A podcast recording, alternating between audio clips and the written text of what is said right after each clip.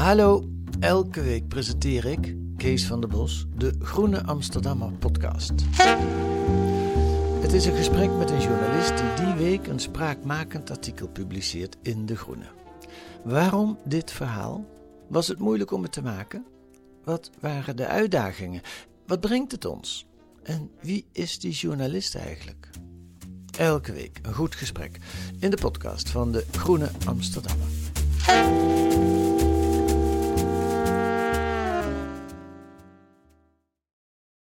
Bent u lid van de FNV? Nee, ik ben nergens lid van, want ik ben voorzitter van uh, de CER en dan ben je onpartijdig. Partij van de Arbeid toch wel? Ja, daar ben ik nog steeds lid van, ja. Dit is Betrouwbare Bronnen met Jaap Jansen.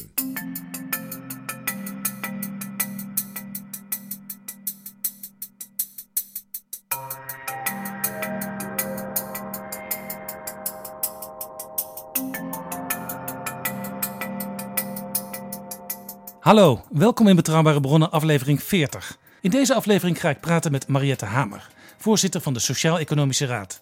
Want onder haar leiding heeft de polder, werkgevers, werknemers en kroonleden onderhandeld met het kabinet over een nieuw pensioenstelsel, wat na jarenlang getrouwtrek afgelopen week leidde tot een conceptakkoord. Het is nog even wachten op de achterbannen van met name de vakbonden FNV en CNV, want die moeten zich er nog over uitspreken.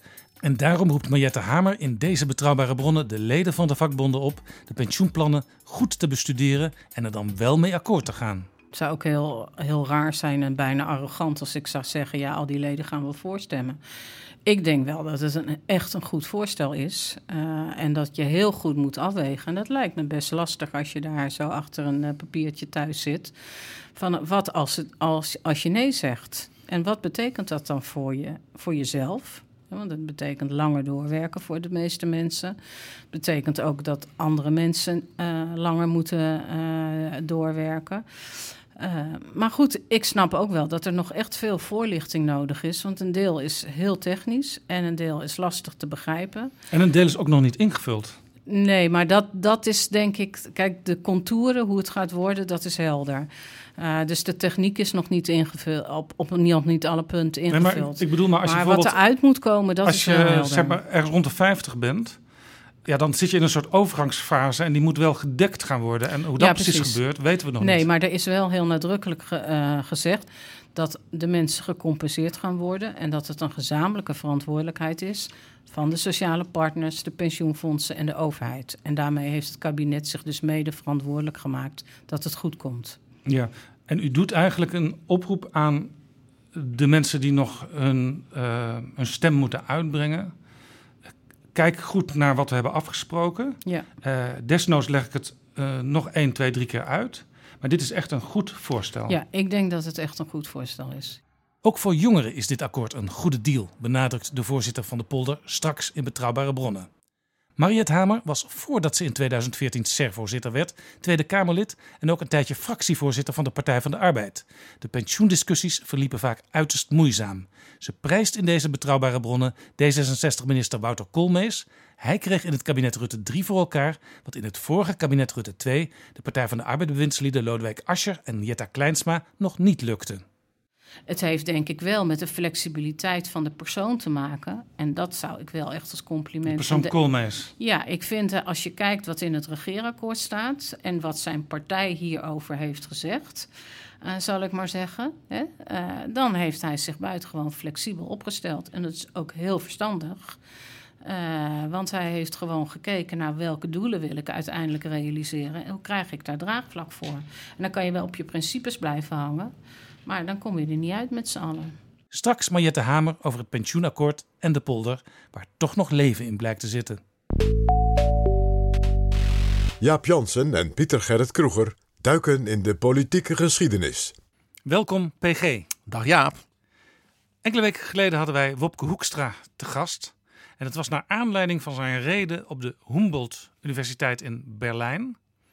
En ja, de naam Humboldt die propte jou tot een verhaal over de beide broers Humboldt, Alexander en Wilhelm. En bij onze editie bij zeg maar, Oud en Nieuw, Toen keken wij samen vooruit naar het jaar 2019. Ja, en het, dat is onder andere het Humboldt-jaar. Ja, en toen riep ik al. Niet, het mooie is, dat is zo leuk als je dan alle weken zoiets kunt doen. Ik wist dus helemaal niet, en Wopke Hoekstra nog minder, dat hij die extreem prestigieuze lezing die hè, eenmaal in het jaar in Duitsland wordt gegeven. Nou ja, hij vertelde ook voor hem staatshoofden, uh, grote geleerden en zo. En nu dus die Nederlandse minister. Uh, en dat dat dus de Humboldt-reden heet aan die universiteit. Het grappige was dus, dat is een soort serendipity uh, tussen de betrouwbare bronnen van, wat was het, 28 december. En het optreden van de minister uh, enkele weken geleden. En ja, toen zei hij al tegen mij, Jaap, we komen het vast dit jaar nog wel een keer te spreken over Alexander van Humboldt. Want daar ging het toen om. Hè, want dat is zijn 250ste geboortejaar. En toen zei ik, ja, dat, dat hoop ik wel. Nou, wel nu. We hadden het dus met Wopke Hoekstra over. Uh, hij had zich duidelijk ingelezen. Uh, had in zijn speech in Berlijn ook in het Duits aan het begin en aan het slot prachtige passages over de betekenis van Alexander en zijn broer Wilhelm. En ik wil daar als ja, historicus en ook een beetje liefhebber van de Duitse cultuur en historie nog wat meer over vertellen. Das Leben dieser beiden außergewöhnlichen Brüder ist eng verflochten mit unserer europäischen Geschichte und unserem gemeinsamen Kulturerbe. Ihre Erkenntnisse sind wichtige Bausteine wichtige Bausteine der wissenschaftlichen und politisch-philosophischen Fundamente, auf denen wir bis heute Tag für Tag aufbauen. Ja, en het gaat over twee broers. Uh, je denkt Humboldt Universiteit, maar dat is eigenlijk de, de ene broer, hè? Ja. Die ook de, de universiteit ooit heeft opgericht. Toen heette het nog de Universiteit van Berlijn. Toen heette het de Koning Friedrich Wilhelm Universiteit. Hij, hij vernoemde die universiteit meteen naar zijn baas.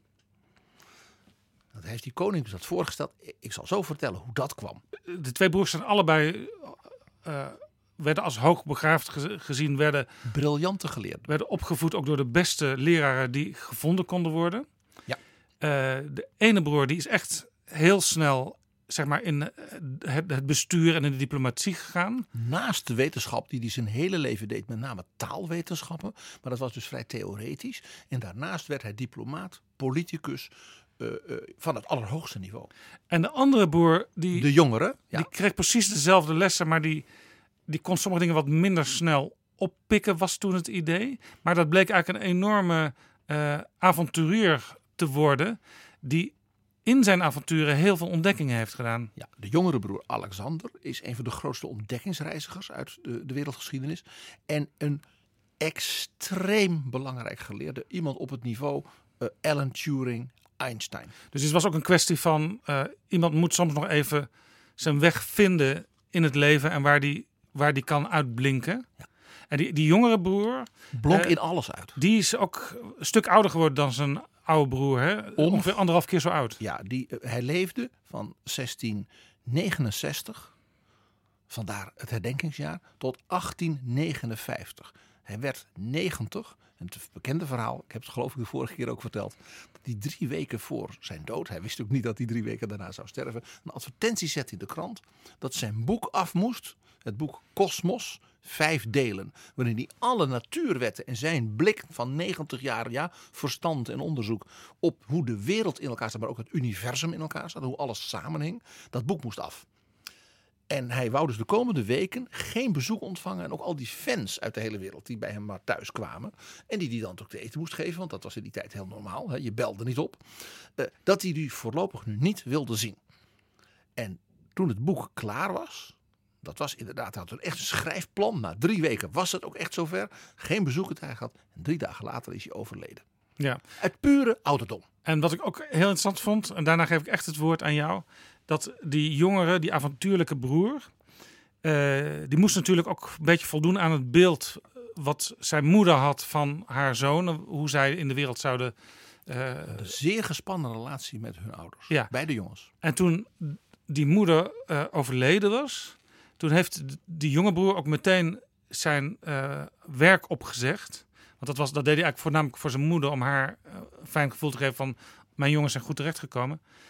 Want toen had hij de erfenis en toen was hij eigenlijk financieel onafhankelijk en toen kon hij gaan doen wat hij echt wilde. Ja, de twee broers waren toen ongeveer de rijkste jongens van zeg maar, Midden-Europa. Want hun vader was al heel rijk, dus de meneer Humboldt. En hun moeder was de erfgenaam van een hele serie uitstervende families. Dus van ooms en oudooms. En die had dus in de laatste jaren van haar leven van een vorige generatie de ene erfenis naar de andere. En Alexander van Humboldt was volstrekt niet geïnteresseerd in het exploiteren van allerlei landerijen in Silesië en in Polen en in Pommeren. En die heeft dus toen een zaakwaarnemer ingehuurd. Namelijk een vriend van, de, van zijn broer en van hemzelf. Een Johann Wolfgang von Goethe. De grote dichter die wij kennen. Maar die was ook minister-president van Weimar. En was dus ook een topbestuurder. En die had dus mensen in dienst aan het Hof in Weimar. En een van de dingen die hij deed was dus het beheren en verkopen en exploiteren van de erfenis van Alexander van Humboldt. Zodat die met dat geld wat hij daaruit kreeg, nou ja, zijn avonturen kon betalen. Ja. En zo ging hij dus die ongelofelijke reizen die hij maakte. Nou, daar ga ik het een en ander over vertellen. Niet over al zijn reizen, want dan zitten we hier over een dag of vier nog. Dus ik pak er een paar heel bijzondere momenten uit. Ja. Eén ding nog, Jaap. Wij kennen dus, mede dankzij Wopke Hoekstra, de Humboldt-universiteit in Berlijn. Op zichtafstand daarvan wordt nu gebouwd iets heel bijzonders. En dat is het Humboldt Forum. En dat is een reusachtig gebouw met een 18e eeuwse koepel. En dan denk je, hoe kan dat in de 21e eeuw? Wel nu, dat is een replica van het koninklijke slot van Brandenburg-Pruisen. Dus eigenlijk een gebouw uit de 15e, 16e eeuw. Dat onder met name Frederik de Groot, de grote koning van Pruisen. En zijn opvolgers als het ware in een soort luxe barok rococo-stijl. Als het ware groots is gebouwd. Daar woonden dus later de koningen van Pruisen. En natuurlijk keizer Wilhelm I en keizer Wilhelm II. Die regeerden ook vanuit uh, dat, dat, paleis. En dat is natuurlijk in de Tweede Wereldoorlog uh, helemaal verwoest. Maar het stond grotendeels nog overeind. En het is de regering van de DDR, dus het communistische deel van Duitsland, dat in 1951, smorgels vroeg, de restanten heeft opgeblazen. Dus, al, dus ook de kunst die daar dus nog, dus de prachtige eh, muren. En Waarom deden ze dat? Omdat dit een symbool was van het feodalisme en het kapitalisme en het imperialisme. En men had een paradeplein nodig voor militaire optochten.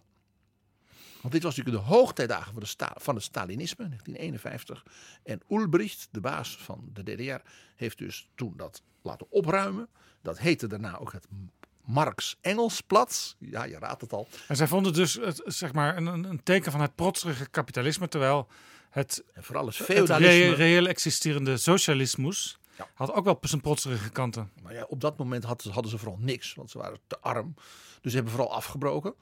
Uh, en uh, men heeft dus op die plek uh, ja, een parade ding gemaakt. Nou, ja, dat, kennen we natuurlijk uit Oost-Europa. En ook met, met, met enorme troepen die dan lopen. Arbeiders met vlaggen en raketten en tanks. Daarna hebben ze daar het beroemde Palast de Republiek gebouwd. Onder Honecker.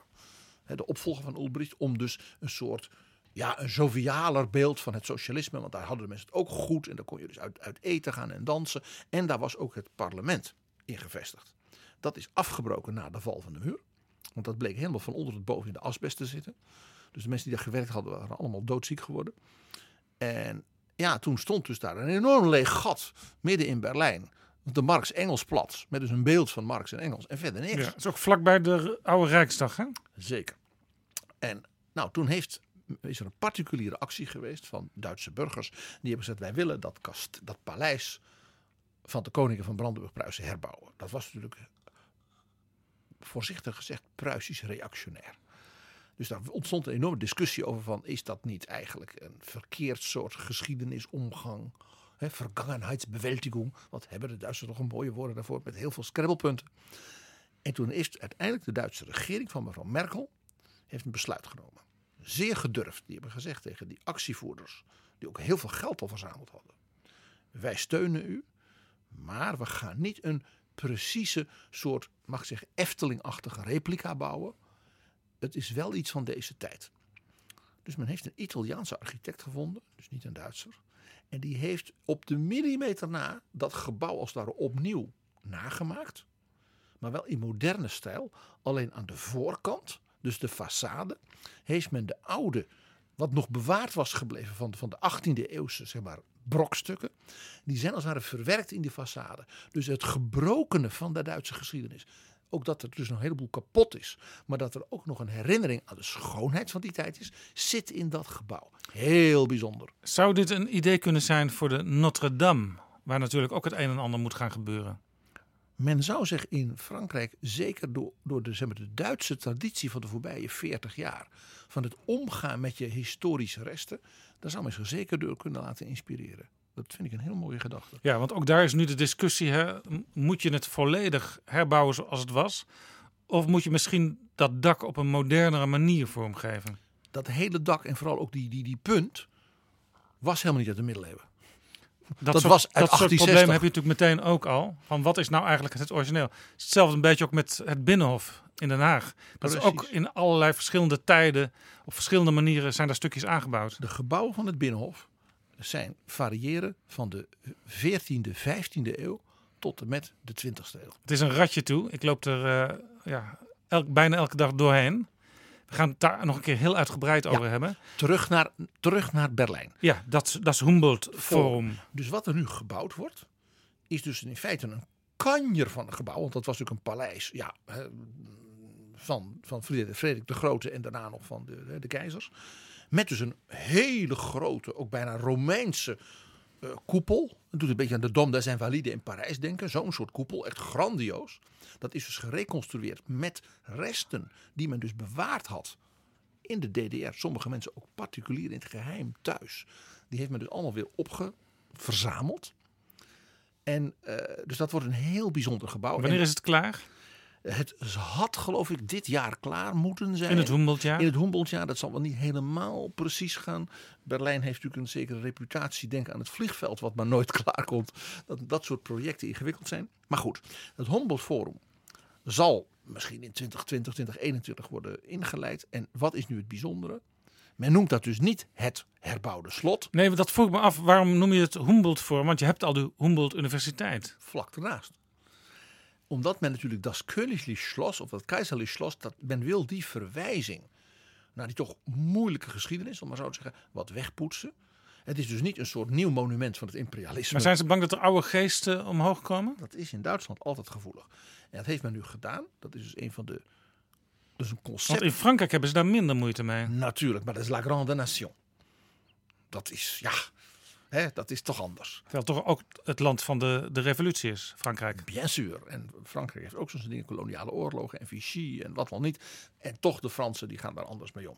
Nee, wat, wat hier speelt, dit is duidelijk. Je ziet dus ook hoe het Duitsland van nu, mag ik zeggen, Duitsland van Adenauer, van, van Willy Brandt, van Kohl, van Merkel, zich dus identificeert in zijn eigen tijd. Maar het is dus Een eigenlijk... land van bildung, van forschung, van wissen, van grote traditie in de cultuur, kunst, wetenschap, kennis. En daarom dat die twee broers als het ware geëerd worden in de naam het Humboldt Forum. En wat komt er in dat reusachtige gebouw? Wetenschappelijke bibliotheken, kenniscentra, de alle musea met de oorspronkelijke verzamelingen van Alexander von Humboldt, van zijn reizen in heel de wereld en van al zijn leerlingen in de 19e eeuw, die hij dus heel precies instructies meegaf. Als je naar Polynesië gaat, naar Afrika gaat, naar de Himalaya, en, eh, naar de Amazone, naar Canada, naar, de, eh, naar de, de, de, Indianen in Canada, dan moet je dit en dit en dit meenemen, dit en dit moet je meten. Dus hij was ook de grote leraar van zeg maar, jonge ontdekkingsreizigers, etnografen en dergelijke. En die brachten dus op zijn instructies allemaal dingen uit dus die in die tijd toch barbare, primitieve landen. Is Alexander, dus de jonge broer, is dat ook degene die de meeste indruk uiteindelijk heeft nagelaten van de twee? Ja, dat is maar de vraag. Dat zal ik zo eens even met jou behandelen. Alexander was in zijn tijd, en dat is wel ook een dingetje, al wereldberoemd. En daar heb ik straks bij de benoeming van zijn broer een hele leuke voorbeeld van. Maar dat forum is dus een symbool van Duitsland als wetenschapsland, als cultuurland. En grijpt daarbij terug met, met die naam op die twee broers en op de tijd van nou ja, 1780, 1830, de glorietijd van de Duitse cultuur. De zogenaamde Weimarer klassiek, vernoemd naar de stad Weimar. Met Goethe, met Schiller, met Herder, met Kant, met al die grote geleerden. En als je politiek de naam Weimar hoort, dan, dan ja, frons je me- meestal je wenkbrauwen en denk je van jammer, jammer dat het allemaal zo gelopen is. Maar dat is het Weimar van de jaren 20 en 30 Maar als van je de 20e inderdaad- eeuw. Wat verder terug gaat in de geschiedenis, dan heb je de We- Weimar van de kunst, cultuur en wetenschap. En dat is de glorietijd van, van, van, van, Duitsland geweest. Terwijl Duitsland toen natuurlijk in feite één groot versplinterd geheel was. En ook nog voor een belangrijke tijd onder Napoleon zuchtte. Maar het was de glorietijd met eh, ja, de belangrijkste de denkers, eh, dichters. Hè. Dat, dat is land der denker en dichter. Dat komt ook. En dat is een soort ja, zelfbeeld wat, waar de Duitsers natuurlijk in deze tijd van kenniseconomie, van wereldwijde cultuur, ja, als het ware zich ook weer aan kunnen ja, optrekken. Duitsland wordt ook weer geacht daardoor nu. 1767, Wilhelm wordt geboren. Ja, en twee jaar later, dus scheelde niet zo heel veel, Alexander. 250 jaar geleden nu. Wilhelm leefde tot 1835. Dus in die tijd zeker een, een, een respectabele leeftijd. Zijn broer tot 1859. En dat was natuurlijk een enorme uitzondering. Zeker als je... Bijna 90 geworden. Ja, hij is 90 geworden. En Ik geloof op een haar na. ja, en, en, en eh, het, het bijzondere is natuurlijk dat hij letterlijk, letterlijk tot zijn dood eh, gewoon als wetenschapper onvermoeibaar schreef en nadacht en bezig was en jonge mensen inspireerde. Met 80 deed hij nog mee met de debatten van de rebelse studenten zeg maar de LSVB van Berlijn van 1848, Een 1849. beetje nederig zeg ik, een voorbeeld voor ons allen. Ja, eh, met, die dus bezig waren. Duitsland moest een republiek worden. Weg met al die koningen. Eh, een moderne, democratische, liberale republiek. En Alexander van Humboldt was het helemaal met die studenten eens. Moet je nagaan. Al die koningen die hem dus al die jaren hadden geprotegeerd. En dit en dit. Hij vond het eigenlijk niks. Hij is zijn hele leven, zouden wij nu zeggen, hartstikke knetterlinks geweest.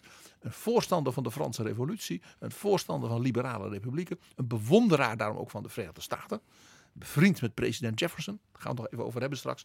En dus als 80-jarige zat hij dan dus mee met het, ik zal maar zeggen, de, de, de linkse studentenrebellen te discussiëren over wat voor soort grondwet gaan we maken. En daar werd hij dus daarna, toen die, toen die zaak natuurlijk in bloed gesmoord werd, natuurlijk niet voor gestraft. Want ja, een man als Alexander van Humboldt, een man van 80, met zijn ja, drive en passie en ook jeugdige geest, dus toch nog, hè? Ja, die kun je niet straffen. Nou, je noemt hem links, eh, Alexander. Misschien wel in de huidige tijd zou je hem GroenLinks kunnen noemen, want hij was natuurlijk ook heel erg van de natuur. Ja, dat is een hele aardige. Maar, ik- En zijn, ik en ga zijn, nou niet zeggen dat hij die Zuni- Zini Usdeel van de 18e eeuw is. Hè? Dan overdrijf je weer. en zijn broer, de, de, de oudere broer Wilhelm, die zat misschien wel, als je het een beetje naar Nederland vertaalt, aan de rechterkant van de VVD, van de Liberalen. Want die heeft op zijn 25ste een, een verhandeling geschreven over de rol van de staat. En eigenlijk de beperkte rol die de staat moet hebben om zoveel mogelijk vrijheid voor de burgers te genereren. En dat was dus anti-feodaal. Dus dat was tegen de, dus de macht van de kerk, de macht van de koning, de macht van de aristocratie. En in die zin was dus Wilhelm net als Alexander een revolutionair. Ze hebben dus ook samen in de hoogtijdagen van de Franse revolutie... met het geld hè, wat ze- van hun moeder, wat Goethe dan had geregeld... hebben ze dus een, een, soort een, een chique eh, eh, herenhuis in Parijs gekocht. Want ze wouden er wel zijn, daar where the action was. Ja, maar hij zou wel kunnen zeggen klassiek liberaal. Hè? Echt heel erg zich bewust van overheid heb je nodig, maar in beperkte mate. Want in plaats van de, de macht van de kerk moet niet de, de macht van de overheid komen. Of de macht van het volk. Die deed alleen al. Ja, dat het was gaat om de ontplooiing van de burger. Ja, want de Franse revolutie had hij natuurlijk ook geleerd in wat voor bloedbad en dictatuur en ellende zo'n revolutie kan komen als die dus door, nou ja, hè, referenda en Robespierre en steeds fanatieker, steeds verdere radicalisering en polarisatie, het is zo modern als wat, hè, eh, dus helemaal uit het lood gaat. En er dus in Frankrijk, dat hebben zij dus ook bij- bijgewoond, de mensen met tienduizenden werden vermoord. Niet alleen onder de guillotine, maar ook boeren die in opstand kwamen. Hè, omdat ze de kerk wilden behouden, omdat ze hun geloof wilden behouden. En dat mocht niet. Nou goed, eh, Alexander, hè, we hadden het al over een universeel genie. Eh, hij is in Nederland eigenlijk vergelijkbaar met één iemand, namelijk Christian Huygens. Ook wel grappig, past ook wel een beetje, want diens broer Constantijn Huygens was net zo knap als hij, maar was de minister-president. Net als Wilhelm, dus ook heel knap, maar meer een bestuurder, een politicus. Ja, want zo, zoveel van dat soort eh boers zijn er niet. Hè? Die, uniek. die beide in their own way eh, iets enorms hebben bijgedragen aan de wereld. Die dus in hun land, in sommige bij de Humboldts, zeker voor de wereld. Dus ja, een volstrekt unieke bijdrage hebben geleverd. Het is een beetje alsof Albert Einstein een tweelingbroer zou hebben gehad. Eh, of eh, nou de, de Huygensen zijn daarom ook zo, zo leuk. Omdat dat is ook zo'n broer, zo'n paar van broers is die elkaar ook voortdurend inspireerden. Eh, en ook, net als Alexander en Wilhelm, buitengewoon verschilden van naturel. Wilhelm was een geleerde taalwetenschapper, vooral di- diplomaat. Eh, en is in de geschiedenis van zeg maar, de moderne tijd van na 1800 de zonder meer belangrijkste minister van Onderwijs ooit. Eh, hij is zeg maar het rolmodel voor Ingrid van Engelshoven en wat al is. En we beginnen daarom, als je het goed vindt, met Wilhelm, de oudste broer. We waren al even bezig, maar we, Ja. beginnen al. We gaan nu echt even op zijn nieuwe loopbaan fase in het gesprek. loopbaan in. Ja. Eh, hij studeerde uiteraard in Weimar en in Jena bij onder andere Kant, de grote filosoof. Want ja, hè, voor minder doe je het niet. Eh, eh, hij studeerde natuurlijk bij Goethe. Eh, Goethe was, was ook een natuurkundige natuurlijk, was ook toch een universeel genie. En daarnaast ook politicus en dichter. En natuurlijk de veel jongere In die tijd had je denk Schiller? ik geen collegezalen met honderden studenten. Nee, maar collegezalen, hoorcolleges, dan, dan kon dus ook iedereen ook komen. En daar betaalde je voor. Dus een professor werd, kreeg dus zijn geld door betaald college. Ja, dus als je rijke ouders had die vorming, opleiding belangrijk vonden, dan kon je een eind komen. Ja, en dan Dan kon, kon je, je echt de beste mensen ja, dan moest je betalen. betalen. Wij zouden nu zeggen een bekostigingssysteem eh, via vouchers. He- leerrechten, buitengewoon modern. 18e eeuwse bekostiging van universiteiten. Nog veel belangrijker, vanwege dus Wilhelm van Humboldt als minister. Het hele idee van de universiteit bestond niet. Dat waren dus gewoon geleerdencolleges waar men bij elkaar zat en faculteiten had. Maar het idee dat dat een soort georganiseerde structuur was, was er niet. In, in Amsterdam had je het Atheneum Illustre, dat was al, al eerder. Dat was in feite een soort school, een soort gymnasium met nog wat extra klassen. Een, een soort, een soort eliteschool kun je zeggen. Ja, de Leidse Universiteit was echt opgericht door de staat en vooral ook door de kerk. De Leidse Universiteit was er om juristen te hebben en dominees. Daarnaast mensen als Boerhaven, en dat was natuurlijk mooi dat dat er ook was, maar dat was een soort hobbyisme. Eh, ik zei al, eh, Wilhelm van Humboldt werd dus niet voor niks de belangrijkste minister van Onderwijs, want hij is de man die dus de grote stappen hier zette. Heel interessant. Hij werd diplomaat en woonde van 1801 tot 1808 in Rome. En was als diplomaat had hij onder andere een bijbaan. Hij was de ambassadeur bij de Heilige Stoel, dus bij de paus, voor Willem Frederik van Oranje. Oh. Willem Frederik van Oranje was natuurlijk door Napoleon, eh, de, de Bataafse Republiek was niet meer van de Oranjes. Dus die moesten gecompenseerd worden. Echte Hollanders ze willen wel geld zien. En toen heeft Napoleon het aartsbisdom Fulda in Midden-Duitsland geschonken aan de Oranjes. Dus de bisschop werd weggestuurd. Een heel rijk eh, eh, ja, landbouwgebied met nou ja, veel nijverheid. Dus dat was voor de Oranjes een prachtig stukje eh, eigendom. Alleen de bevolking was natuurlijk voor 99% katholiek. En één ding kon je van de Oranjes zeggen: katholiek waren ze niet. Dus dat Dus was het was eigenlijk zo- zoals je een huis koopt met huurders erin. ja. En eh, dus die bevolking daar en de plaatselijke elites en de gemeentebesturen waren natuurlijk waren die aartsbisschop al, nou ja, bijna tien eeuwen gewend als heer. En nu kwam er een Hollandse Calvinist.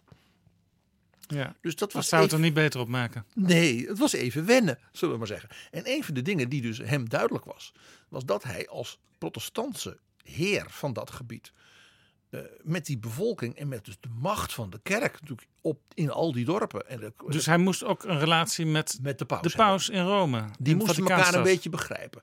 En zijn moeder, Wilhelmine van Pruisen, was dat. Die kende via de Pruisische koninklijke familie een diplomaat van Pruisen in Rome. En Wilhelm van Humboldt. En die zou dat klusje wel voor hem doen. En dat was eigenlijk een manier ook voor Wilhelm om eh, een soort inkomen te hebben. Hij had natuurlijk al wel via zijn familie geld en zo, maar eh, dit was een, dit was was een mooie, mooie baan waar je niet al te veel tijd aan hoefde te besteden. Hij was bovendien met een echt rijke vrouw getrouwd. Dus eh, ja, zo gaan die dingen. En hij had weer een rol in die Society van Rome. Dat precies, want hij was dus een groot geleerde. eh, was dus bevriend, want dat was al in die studententijd. Hadden zijn broer en hij, dus door de vriendschap met Goethe, met Schiller, met al, hadden zij dus een netwerk van geleerden kunstenaars in de hele wereld. Van die tijd. Dus in Rome was ja, het, eh, het, het aanloopadres voor iedere kunstenaar, eh, diplomaat en dergelijke, was het, de familie van Humboldt. En mevrouw van Humboldt was dus een meisje van, uit een hele chique, eh, rijke familie. Dus die was gewend jour te houden en te ontvangen. Dat hoorde natuurlijk een beetje bij de stijl. Nou, in 1808, 1809. eh, eh, Pruisen is dan door Napoleon echt verwoestend verslagen. En de helft van het land is als het ware eh, nou ja, cadeau gedaan aan andere vorsten. Aan Zaksen en aan Westfalen, waar Napoleons broer regeerde. En Pruisen was financieel, economisch en ook demografisch, de helft van de bevolking weg, geruineerd. Dus toen heeft de koning, die moest ja het land redden. Eh, en toen heeft dus zijn vrouw, koningin Louise, dat was eigenlijk de kop, het het verstand van die regering, vergeleken bij haar echtgenote, was een beetje een zulletje. En Louise was niet alleen beeldschoon, ze was, staat bekend als de allermooiste koningin van, uit de Duitse geschiedenis. Na- Zelfs Napoleon was eh épris van haar. Eh, er zijn ook prachtige beelden door beroemde schilders en beeldhouwers ook van haar en haar zusje. Toen ze 17 waren. Nou, echt eh, beeldschoon. Maar zij moest dus dat land een beetje eh, opnieuw Ja, op de kaart zetten. En eigenlijk haar man wat ondersteunen, zullen we maar zeggen, in dat land redden. Want hij was een beetje, eh, nou ja, het was hem allemaal te veel. En zij had dus een aantal zeer eh, krachtige bestuurders van adel. Meneer Hardenberg en vooral Freiherr von Stein. En dat was een liberaal, dus een, mo- een modern denkende eh, liberale bestuurder. En die heeft toen gezegd, wij moeten de complete manier van regeren van Pruisen eh, ja, omturnen. Dus al die oude middeleeuwse feodale toestanden moeten afgeschaft worden. Want alleen dan kunnen we als ware een Pruisen opnieuw als staat ook redden, ook economisch. Ook in de concurrentie met de landen eromheen. Zoals we nu vanuit Europa praten. Hoe moeten wij met China, met Amerika, met Rusland omgaan, met India? En, en, en, en Pruisen was dus de helft van zijn economie kwijt. Pro- pro- Probeer je dat indenken. Dan moet je dus gewoon helemaal overnieuw beginnen. En ze moesten hele zware herstelbetalingen voor straf betalen aan Napoleon. Want die wou natuurlijk zijn oorlog met Rusland daar, daarmee betalen. Ja. Want daar was hij mee bezig. Nou, dus dat, die regering van meneer Stein en Hardenberg, die moest de eh, Pruisen volledig als het ware nou, meer dan hervormen. En een van de dingen die zij zeiden is, er moet dus een modern onderwijs komen, waarbij alle kinderen, alle jongeren in Brandenburg-Pruisen naar school gaan. Dus eigenlijk een moderne economie daardoor ook stimuleren. Eh, Goede, goede ambtenaren, goede bestuurders. En dat moet van de grond af worden gebouwd. En niet dat elk dorp maar aanrommelt. Eh, Elk kerkdorpje ook maar zelf maar dingetjes doet. Met een onderwijzer die eigenlijk geen les kan geven. En Wilhelm werd daarvoor aangetrokken. En koningin Louise zei, ik weet de man. En vrijheer von Stein zei, ik ook. En toen is dus Wilhelm van, van Humboldt is teruggeroepen naar Berlijn om minister te worden voor onderwijs en cultuur. Zoals dat heet. En bij cultuur moet je denken ook aan met name het onderhoud van kerken. Want dat werd door de staat gedaan. Ja. En nu de- het, het mooie verhaal. Zijn broer Alexander was dus toen al zo wereldberoemd als ontdekkingsreiziger. Wat dan niet dat die koning, ik zei al, die was niet heel slim. Dat toen hij het benoemingsakte kreeg, zei hij: Oh, wat een eer voor mij. Dat een zo groot man als von Humboldt mijn minister wil worden. En toen hebben ze hem moeten uitleggen: nou, maar dat is niet Alexander, dat is de u blijkbaar niet bekende oudere broer. De diplomaat uit Rome. Oh, is die ook goed? Ja, die is ook goed. En toen heeft hij getekend. ja, die was eigenlijk nog wel beter voor het bestuur. Hè? Ja, dat hij echt, geknipt ja, voor. Ja, ja. Dus hij was van 1809 tot 1810, dus eigenlijk heel kort, minister van Cultuur en Unterrichtswesen. Alleen Duitsers kunnen dat soort mooie titels bedenken. En eh, dat is hij dus in feite maar anderhalf jaar geweest. Als ik jullie straks ga vertellen wat hij gedaan heeft in anderhalf jaar, dan, dan, dan weet je niet wat je overkomt. Hij is toen eigenlijk dus heel snel alweer vertrokken uit die regering. Werd ambassadeur in Wenen.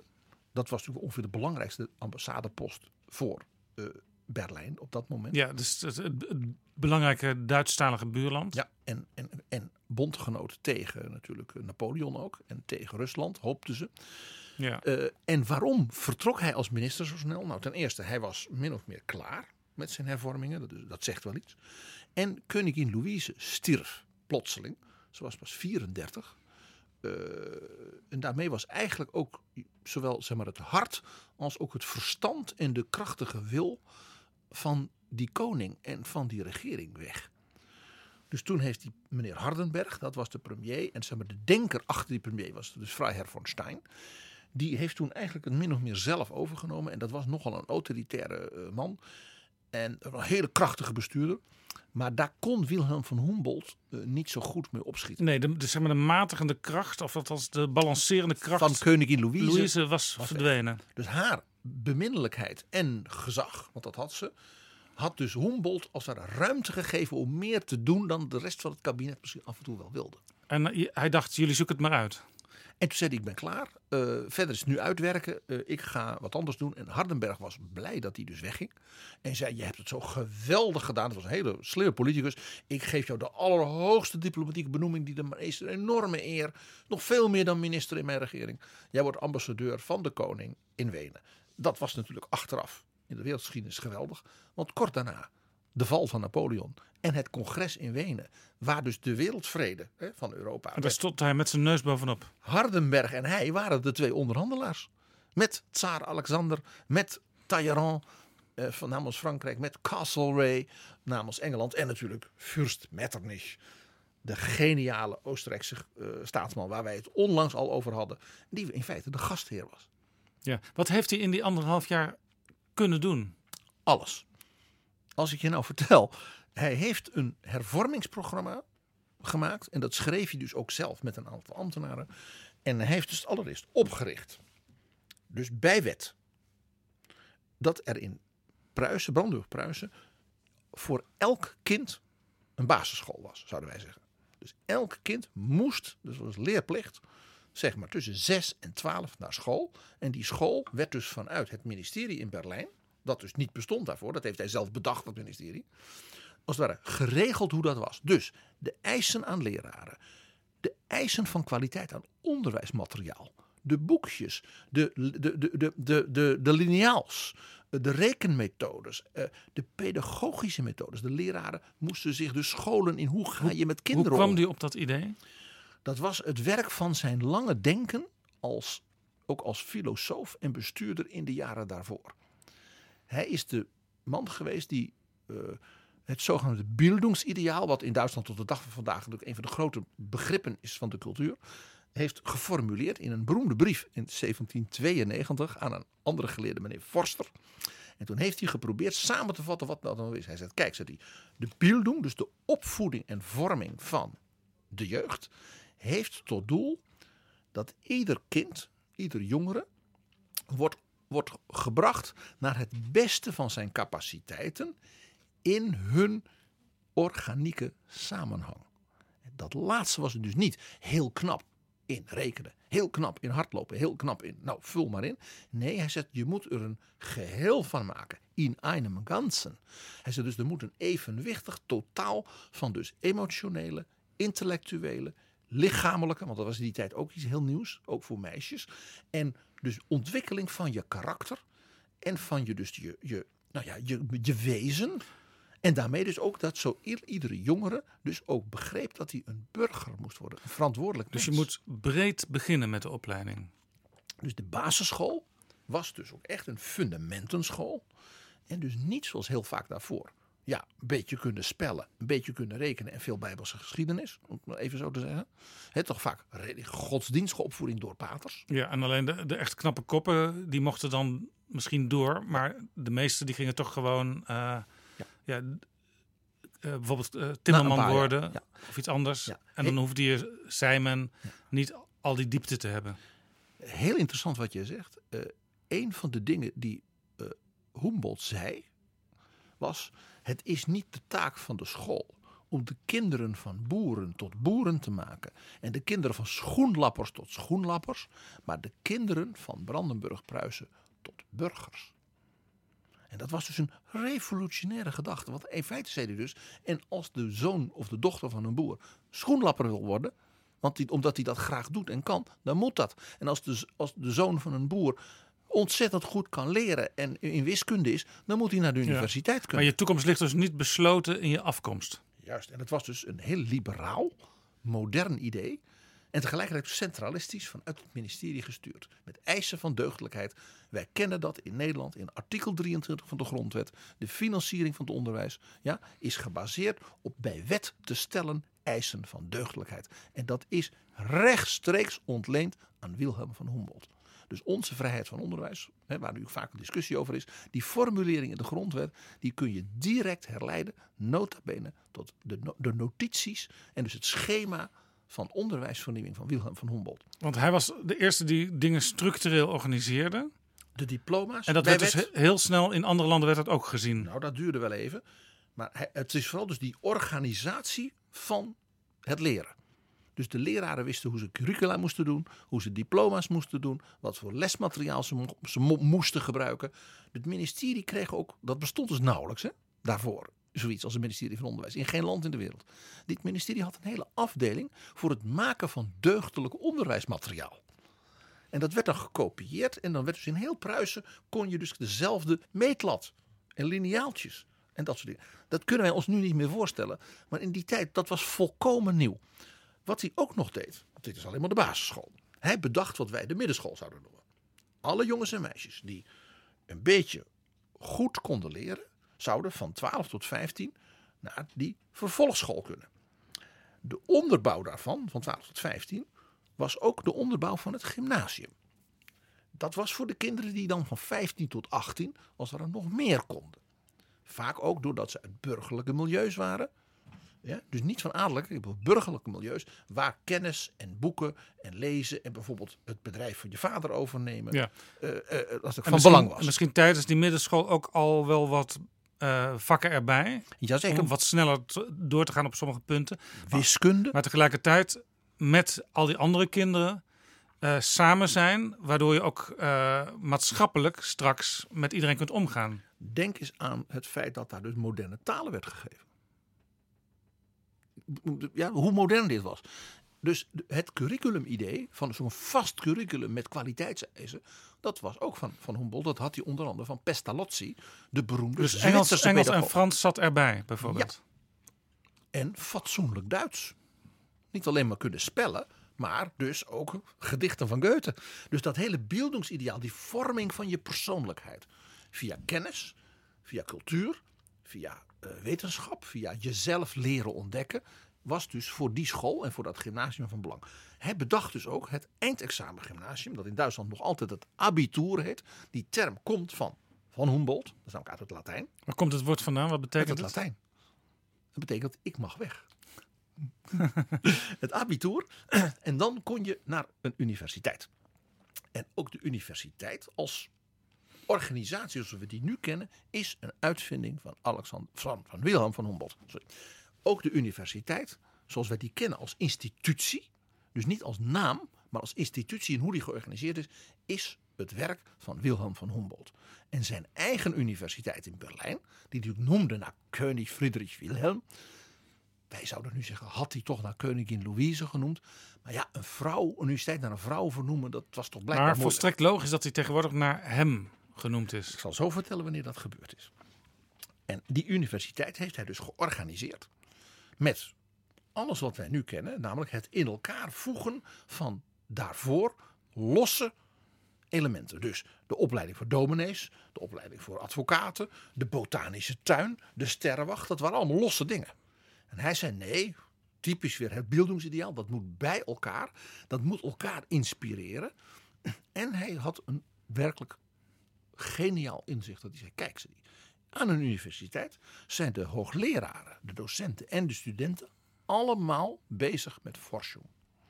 Het is niet zo dat die docent als een soort autoritaire toeteraar die studenten moet vertellen hoe ze moeten denken. Nee, ze moeten samen de wereld verkennen. en hier zeg ik altijd, als uit de boeken over hen, het kan niet anders dan dat hij hier als voorbeeld zijn broer had, Alexander. Een jong iemand die dus aan de hand van grote geesten, Goethe, Schiller, de wereld zelf gaat ontdekken. Konden ze het goed met elkaar vinden, die twee broers? Ja, ze waren qua naturel zeer verschillend. Daar zal ik straks wel iets over vertellen. En eh, dus het hele idee van een universiteit als een gemeenschap van jonge mensen, geleerden, uit de cultuur, uit de wetenschap, eh, ja, uit de filosofie. Die samen, als het ware, de wereld ontdekken. En elkaar dus intellectueel, maar ook in de menselijke, bijna artistieke zin uitdagen.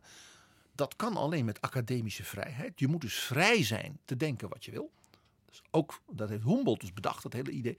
En hij zei dus, wat je aan de universiteit moet hebben is vrijheid van leren.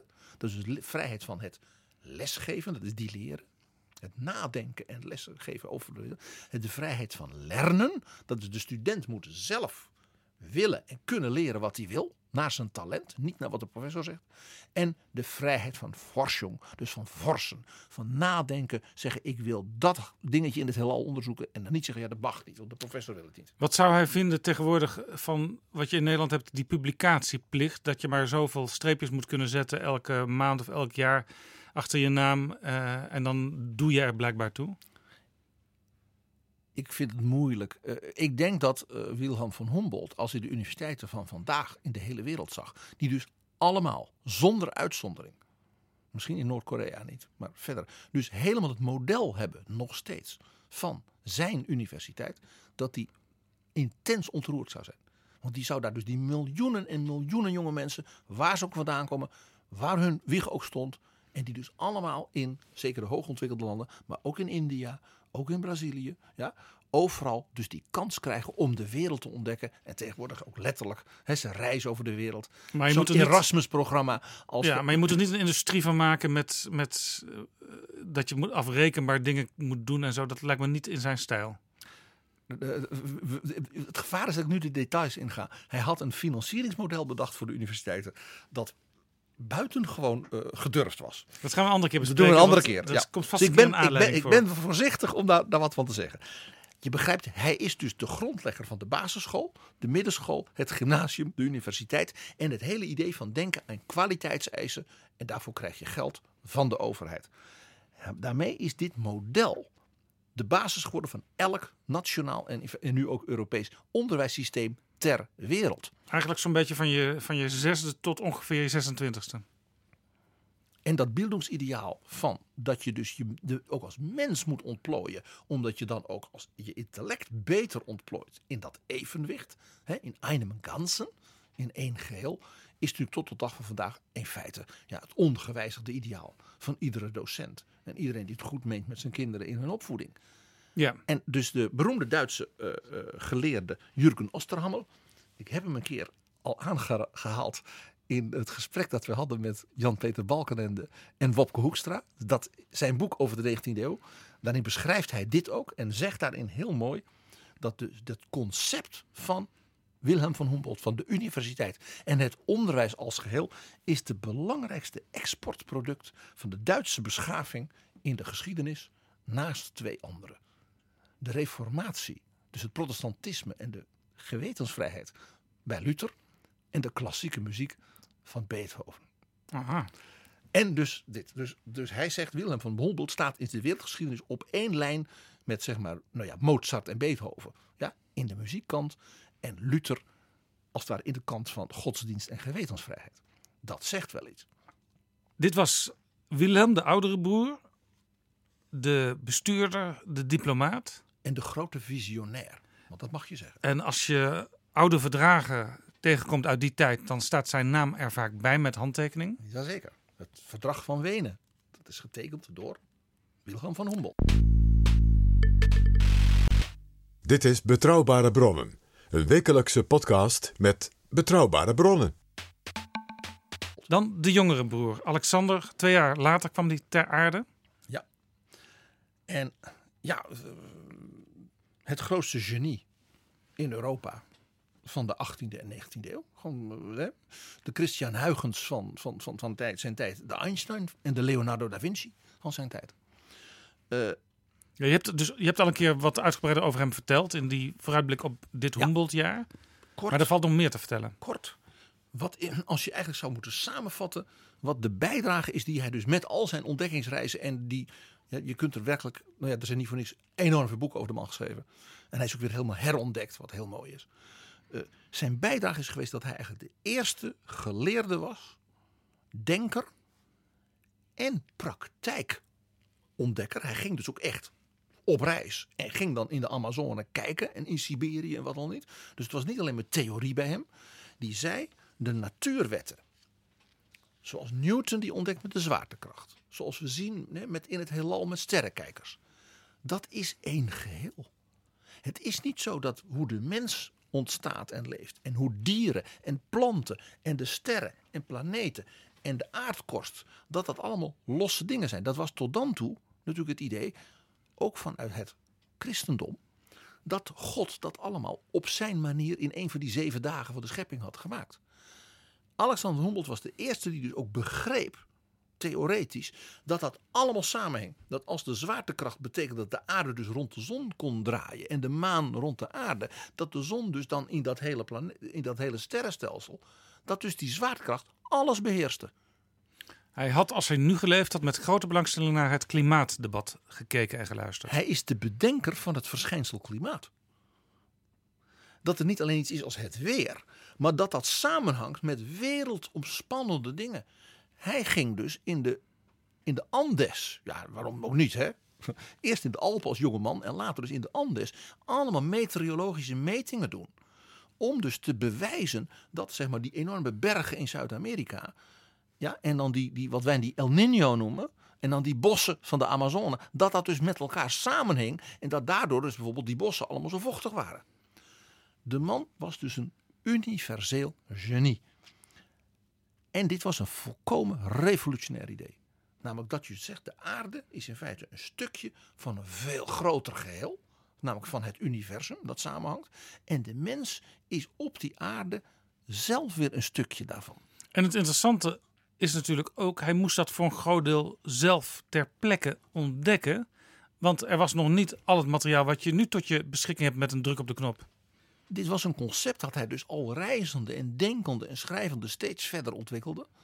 En het, als er dus, dus puzzelstukjes gingen steeds meer uh, bij elkaar vallen. Hij zei dus alles is samenhang.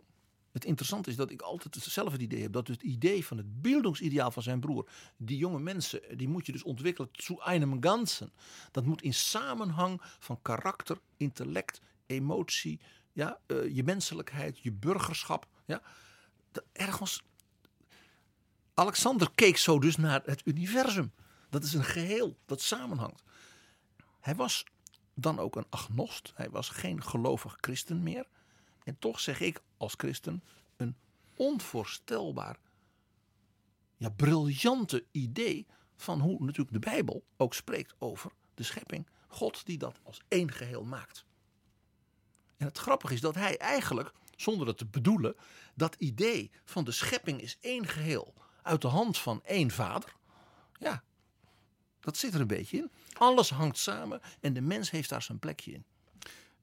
Werd hem door de kerken niets in de weg gelegd? Want ik kan me voorstellen dat zij dachten van ja, ons hele verhaal, daar komen, worden nu wat vraagtekens bij gezet. Dat kunnen we eigenlijk niet hebben. Dat was voorbij in zijn tijd. Hij was dat precies op het goede moment geboren. Uh, hij, was, hij was wel verdacht, ik zal straks een mooi voorbeeld ook geven, vanwege het feit dat hij openlijk homoseksueel was. Uh, dus hij was geen, zeg maar, uh, nou ja, vrome pater. Hij was vrij openlijk homoseksueel. Ja, hij was, en geniaal. In sommige boeken lees je, hij was zijn hele leven vrijgezel. Maar jij zegt gewoon, hij was homoseksueel. Ja, ja hij, hij, heeft, had een Franse vriend met wie hij vanuit Parijs zijn grote reis heeft gedaan. En onderweg is hij een hele mooie jongen in Colombia tegengekomen. Van Adel, dat dan weer wel. Die met hem de, de, de, een groot deel van de rest van de reis heeft gedaan. Dus laten we er niet omheen draaien. Onderzoekt alles en behoudt het goede. Zo is het. Dus ik onderstreep nog een keer, hij was dus, een, net als zijn broer, volkomen visionair. Deze visie op, in feite het heelal en de schepping en de plaats van de mens daarin, is uniek. En hij was een hbo'er, zouden wij zeggen. Een man van praktijkonderzoek. Hij begon al heel vroeg. Hij heeft bijvoorbeeld gewerkt als geoloog voor de mijnbouw van de koning van Pruisen en van de koning van Saxe. Want hij wist alles van mijnbouw en aardlagen en dat vond hij fascinerend. En dat heeft hij ook zijn hele leven is dat blijven doen. Dus dan ontdekte hij dus waar uh, zeg edelstenen lagen en waar de koning dit. Dus hij was heel populair bij die koningen, omdat hij zijn kennis dus praktisch toepaste.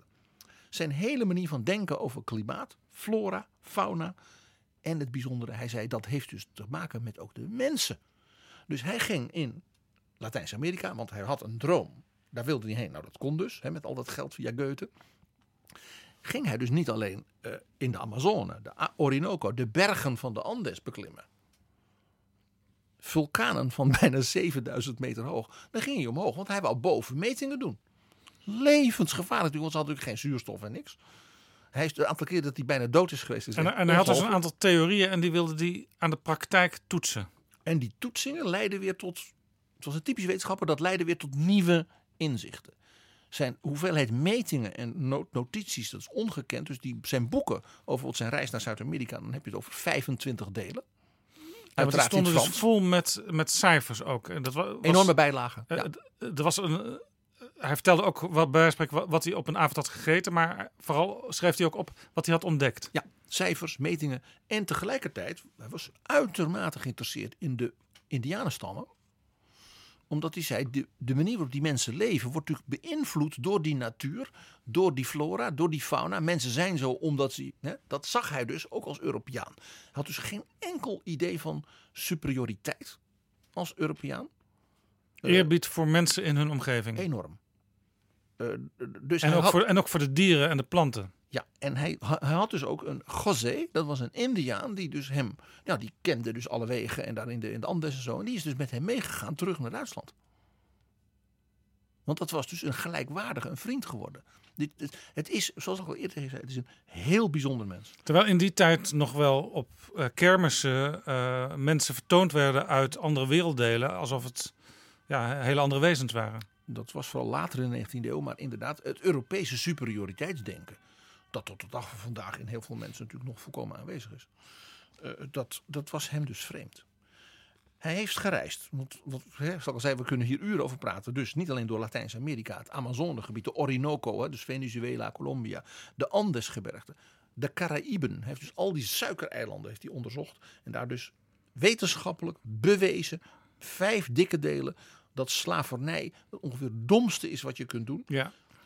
was dus van de grootst mogelijke betekenis voor de wereldgeschiedenis. Namelijk voor het eerst dat iemand op wetenschappelijke, economische, sociologische gronden, zelfs geologische gronden, kon bewijzen hoe slecht slavernij was. Mexico heeft hij enorm eh, bereisd ook. De Alpen, als jongeman al. Siberië, de Oeral, het Altai-gebergte bij, ja, richting Tibet. Ook daar is hij allemaal geweest. Hij was een enorme waaghals. Als ik één voorbeeld geef, hij was in Mexico. Daar heb je de Popocatépetl. Ja. Die enorme vulkaan van 5000 meter. Daar wou hij in, want hij, hij was namelijk aan het werken. Hij rommelde. Ze oh, maar dat heb ik altijd willen zien. Dus hij moest eigenlijk eh, voor- tegen zichzelf beschermd worden door de mensen die hem begeleiden. Dat hielp niet, eh, want hij was natuurlijk toch de baas. Dus die José en die jongen uit Colombia en zijn Franse vriend Aimé Bonplan... die zijn dus met z'n viertjes, zijn ze dus die vulkaan opgeklommen. Dat was al, natuurlijk al dan zit je op 5200 meter of zoiets. En toen gingen ze dus naar binnen, want dat wou die zien. Nou, ze zijn bijna alle vier levend verbrand. Eh, het was niet gezond, maar Alexander van Humboldt was helemaal gelukkig. Want hij kon dus allemaal wetenschappelijke metingen en verslagen en wat dan niet doen. Hij was dus ook een verbluffend universele man. Om je een idee te geven, hij ontdekte in de Amazone Indianenstam. En die bleken door hun eh, eh, eh, grammatica, hun, hun taal, buitengewoon snel andere talen op te pakken. Ook van andere Indianenstammen. Die heeft, toen is hij daar weken blij- blijven wonen bij die mensen. Ook om een beetje aan te sterken, want hij was natuurlijk vaak ziek. Hè? Daar kun je je iets bij voorstellen. En toen heeft hij die mensen Frans geleerd. Duits. En allemaal aantekeningen gemaakt hoe dat ging. Waarom dus zij zo makkelijk andere talen oppikte. Want hij wist dat zijn broer Wilhelm, de taalwetenschapper, die moest hier eigenlijk bij zijn. Dus hij ging eigenlijk ook voor zijn broer wat extra werk verrichten. Ja, want dat viel hem dus op. En dan, nou. Hij probeerde dus ook bij elk van die stammen dan zelf de, de taal te leren van ze. Hij was natuurlijk wel heel intelligent, zullen we maar zeggen. Dat was dus, ja, dat, dus zeg maar de ontdekkingsreiziger, het, het universeel genie, de nieuwsgierige. Hij was ook politicus. Ook wel net als zijn broer, om je een idee te geven. Toen hij dus zijn werk had gedaan in Zuid-Amerika en dus zijn observaties en analyses over de slavernij op Cuba en de Suikereilanden, toen bezocht hij in 1805 Washington D.C. Want hij was via briefwisselingen bevriend geraakt met een serie Amerikaanse geleerden en die hadden hem dus aanbevolen bij president Thomas Jefferson. Die zelf natuurlijk een beetje een Humboldt-achtig universeel genie was als geleerde. Dus je kunt ook zeggen dat de elite van toen, eh, waar ze ook woonden in de westerse wereld, die hadden contacten met elkaar en die ontmoetten elkaar. Ze schreven met elkaar. Ja. Uh, en ze lazen dezelfde tij- tijdschriften ook. Die maakten ze ook. En ze hadden het dus ook over nieuwe ontdekkingen. Ja. Als ze met elkaar praat, Ja. aan het praten waren. Nou, dus uh, Humboldt komt dus op het Witte Huis. Woont dus weken in Washington. Spreekt daar met de president. Heel belangrijk met zijn minister van Buitenlandse Zaken Madison. En zijn minister van Financiën Gallatin. Dan denk je, Gallatin? Ja, dat was een Zwitser. Dat was dus geen Amerikaan. Die was dus als Zwitserse immigrant in Amerika gekomen. En was dus, zoals wel vaker bij Zwitsers, een hele knappe bankier. En hij is een van de grondleggers van het financieel systeem van de Verenigde Staten. Meneer Gallatin. En die heeft hij helemaal uitgelegd hoe het in Mexico was. Hoe corrupt het was. Hoe slecht het daar geregeerd werd. eh, dit en, dat. en dat was voor hen extreem belangrijk. Buitenlands politiek. Want zij waren toen al bezig te kijken hoe de Verenigde Staten zich natuurlijk kon expanderen. Naar dat hele gebied. ja, dus, dus Alexander van- was ook niet eenkennig. Hij was niet alleen met zijn eigen particuliere eh, ontdekkingen bezig, maar hij keek ook nog om zich heen hoe maatschappelijk en politiek toeging in al die landen die hij bereisde. En hij was er natuurlijk van overtuigd als eh, zeg maar zeer linkse man dat zo'n liberaal soort democratie als Amerika voor de Mexicaan toch echt veel beter was dan dat achterlijke bewind van eh, de Spaanse koning en de katholieke kerk. Laten we er nu omheen draaien. Dus de verovering van Amerika door Amerika van Texas, New Mexico, Arizona, Californië werd is voorbereid onder Jefferson al aan de hand van dus de geheime verslagen van Alexander van Humboldt. Dat leidde dus in een jaar na zijn vertrek, 1806, tot de grootste vastgoeddeal uit de geschiedenis. Dat is wel mooi in de tijden van Trump daarop te wijzen. De geleerde Jefferson, de vriend van Humboldt, kocht Louisiana van Napoleon. Dat was dus bijna twee derde van het Amerikaanse continent. Ja, in New Orleans Dat was de hoofdstad. kun je ook nog een masker van Napoleon eh, vinden in, in, de, in het museum daar. Ja. En dat was dus de hoofdstad. Maar alles van het hele Mississippi-gebied tot en met zeg maar, eh, Californië, dat heette allemaal Louisiana. Naar koning Louis, dus Lodewijk XIV van Frankrijk. En dat heeft dus Napoleon verkocht, omdat hij dat geld nodig had voor zijn legers. En als je dus in Amerika bijvoorbeeld in de Library of Congress kijkt, dan kun je nog veel sporen van Alexander van Humboldt vinden. Het is is eigenlijk heel bijzonder. Nog één klein dingetje. Hij is de inspirator geweest voor Madison, dus die, de minister van Jefferson, die daarna zelf president werd. Om zich zorgen te maken over de aantasting van de natuur en de bossen in dus dat nieuw veroverde, gekochte gebied van Louisiana. Want hij zei, pas op, eh, ja, die bossen, dat gaat eraan. Smerig water, dat is slecht voor de gezondheid van mensen. Ja. En Madison is dus de eerste natuurbeschermer, president in de Amerika- Amerikaanse geschiedenis geweest. Men heeft dus een tijdje geleden een nieuw nationaal park in Amerika. Dat hele idee van die parken ja, komt van, ook van Madison. Het is vooral Teddy Roosevelt later in de 19e eeuw. Maar de inspirator voor Madison van er moet eigenlijk een soort overheidsbeleid zijn voor natuur en milieu. Je raadt het al, Alexander von Humboldt. Ook hier dus weer een man met een ongelooflijke, hoe zal ik het zeggen, eh, eh, eh, nalatenschap Ja. in de wereldgeschiedenis. Klein voorbeeldje, een man die al eens vaker bij ons langsgekomen is. Hij is ook ingehuurd door tsaar Nicolaas I. De schoonbroer, de zwager van koning Willem II. En waarom? Die had natuurlijk door zijn grootmoeder, Catharina de Grote. Ja, dat hele Siberië en die Caucasus, dat was allemaal veroverd door haar. Maar ze wisten er niks van in Petersburg. Er waren geen kaarten, er was niets. Dus wat doe je dan? Dan huur je de inmiddels toen 50-jarige Alexander van Humboldt. In de jaren 20 dus van de 19e eeuw. En die heeft hij dus met een enorme smak geld. Ja, een expeditie laten doen door Siberië, de Oeral, de Caucasus. En toen de droom die hij zo lang had Humboldt. Hij wou Tibet zien, het Himalaya. En toen is hij dus tot het Altai-gebergte aan de grens van Tibet, Mongolië, China en Rusland gekomen. En heeft dus in de Oeral voor de tsaar allemaal geologisch onderzoek gedaan. Waardoor de tsaar ineens wist dat de Oeral helemaal vol zat met delfstoffen, edelstenen. En de, de tsaren alleen maar nog rijker werden.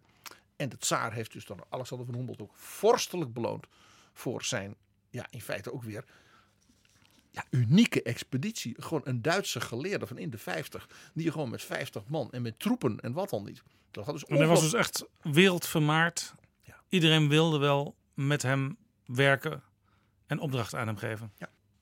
En ja, het feit al dat tsaar Nicolaas dus een bewonderaar was. Dat de koning van Pruisen dacht dat toen hij zijn broer benoemde, dat hij de beroemde jongere broer benoemde. Ja, dat geeft al iets aan. Eh, Hij was dus eh, ja, bewonderd door de tsaar, door Jefferson, door Madison, door de koning van Pruisen, koningin Louise. Hè, kortom. Hij was dus ook een vriend van eigenlijk alle grote geesten in zijn tijd. Ook doordat hij natuurlijk zo lang zo oud werd en zo geestelijk zo present en jong bleef. Zijn grote vriend, zijn voorbeeld, was natuurlijk Friedrich Schiller. De dichter, de toneelschrijver. Ook de liberaal, de vrijheidsidealist. En natuurlijk eh, ook de geleerde, de geschiedkundige. Schiller heeft het eerste grote boek geschreven over de Nederlandse opstand en Willem van Oranje.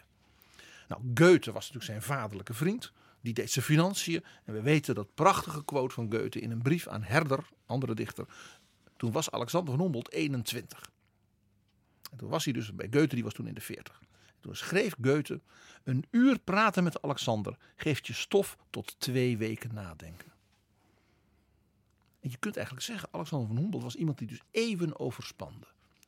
Toen hij geboren werd, 1769, dat was de tijd van Bach, van Hendel, van Vivaldi, van Haydn. Mozart en Beethoven waren er nog niet. Er was geen USA. Er was Friedrich de Gros en Maria Theresia. Het was het ancien regime, het feodalisme. Toen hij stierf in 1859 was Richard Wagner bezig de muziek van de 20e en van de 21e eeuw ja, te, te, te maken. Was midden in de industriële revolutie met spoorwegen, met kolen en staal. Het was een jaar voor de Civil War in Amerika met president Lincoln. Het was in de tijd van de komst van Bismarck en de tijd van Karl Marx. Dus zijn leven wees ook naar de eeuwen na hem. Ook door zijn wetenschappelijk onderzoek. Ja.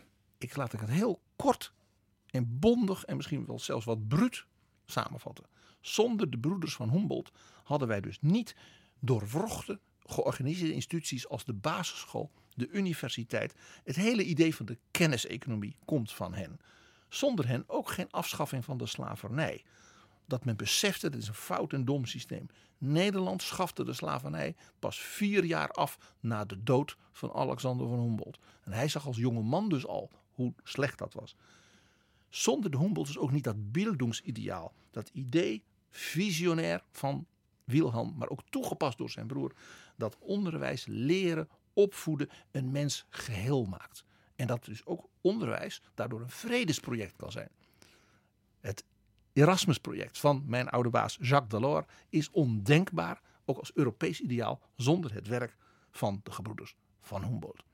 Kortom, wij zijn de broers veel dank verschuldigd. En daarom eindigen we met iets heel bijz- bijzonders. Hun vriend Goethe, de grote dichter, was ook inspirator natuurlijk voor de cultuur na hem.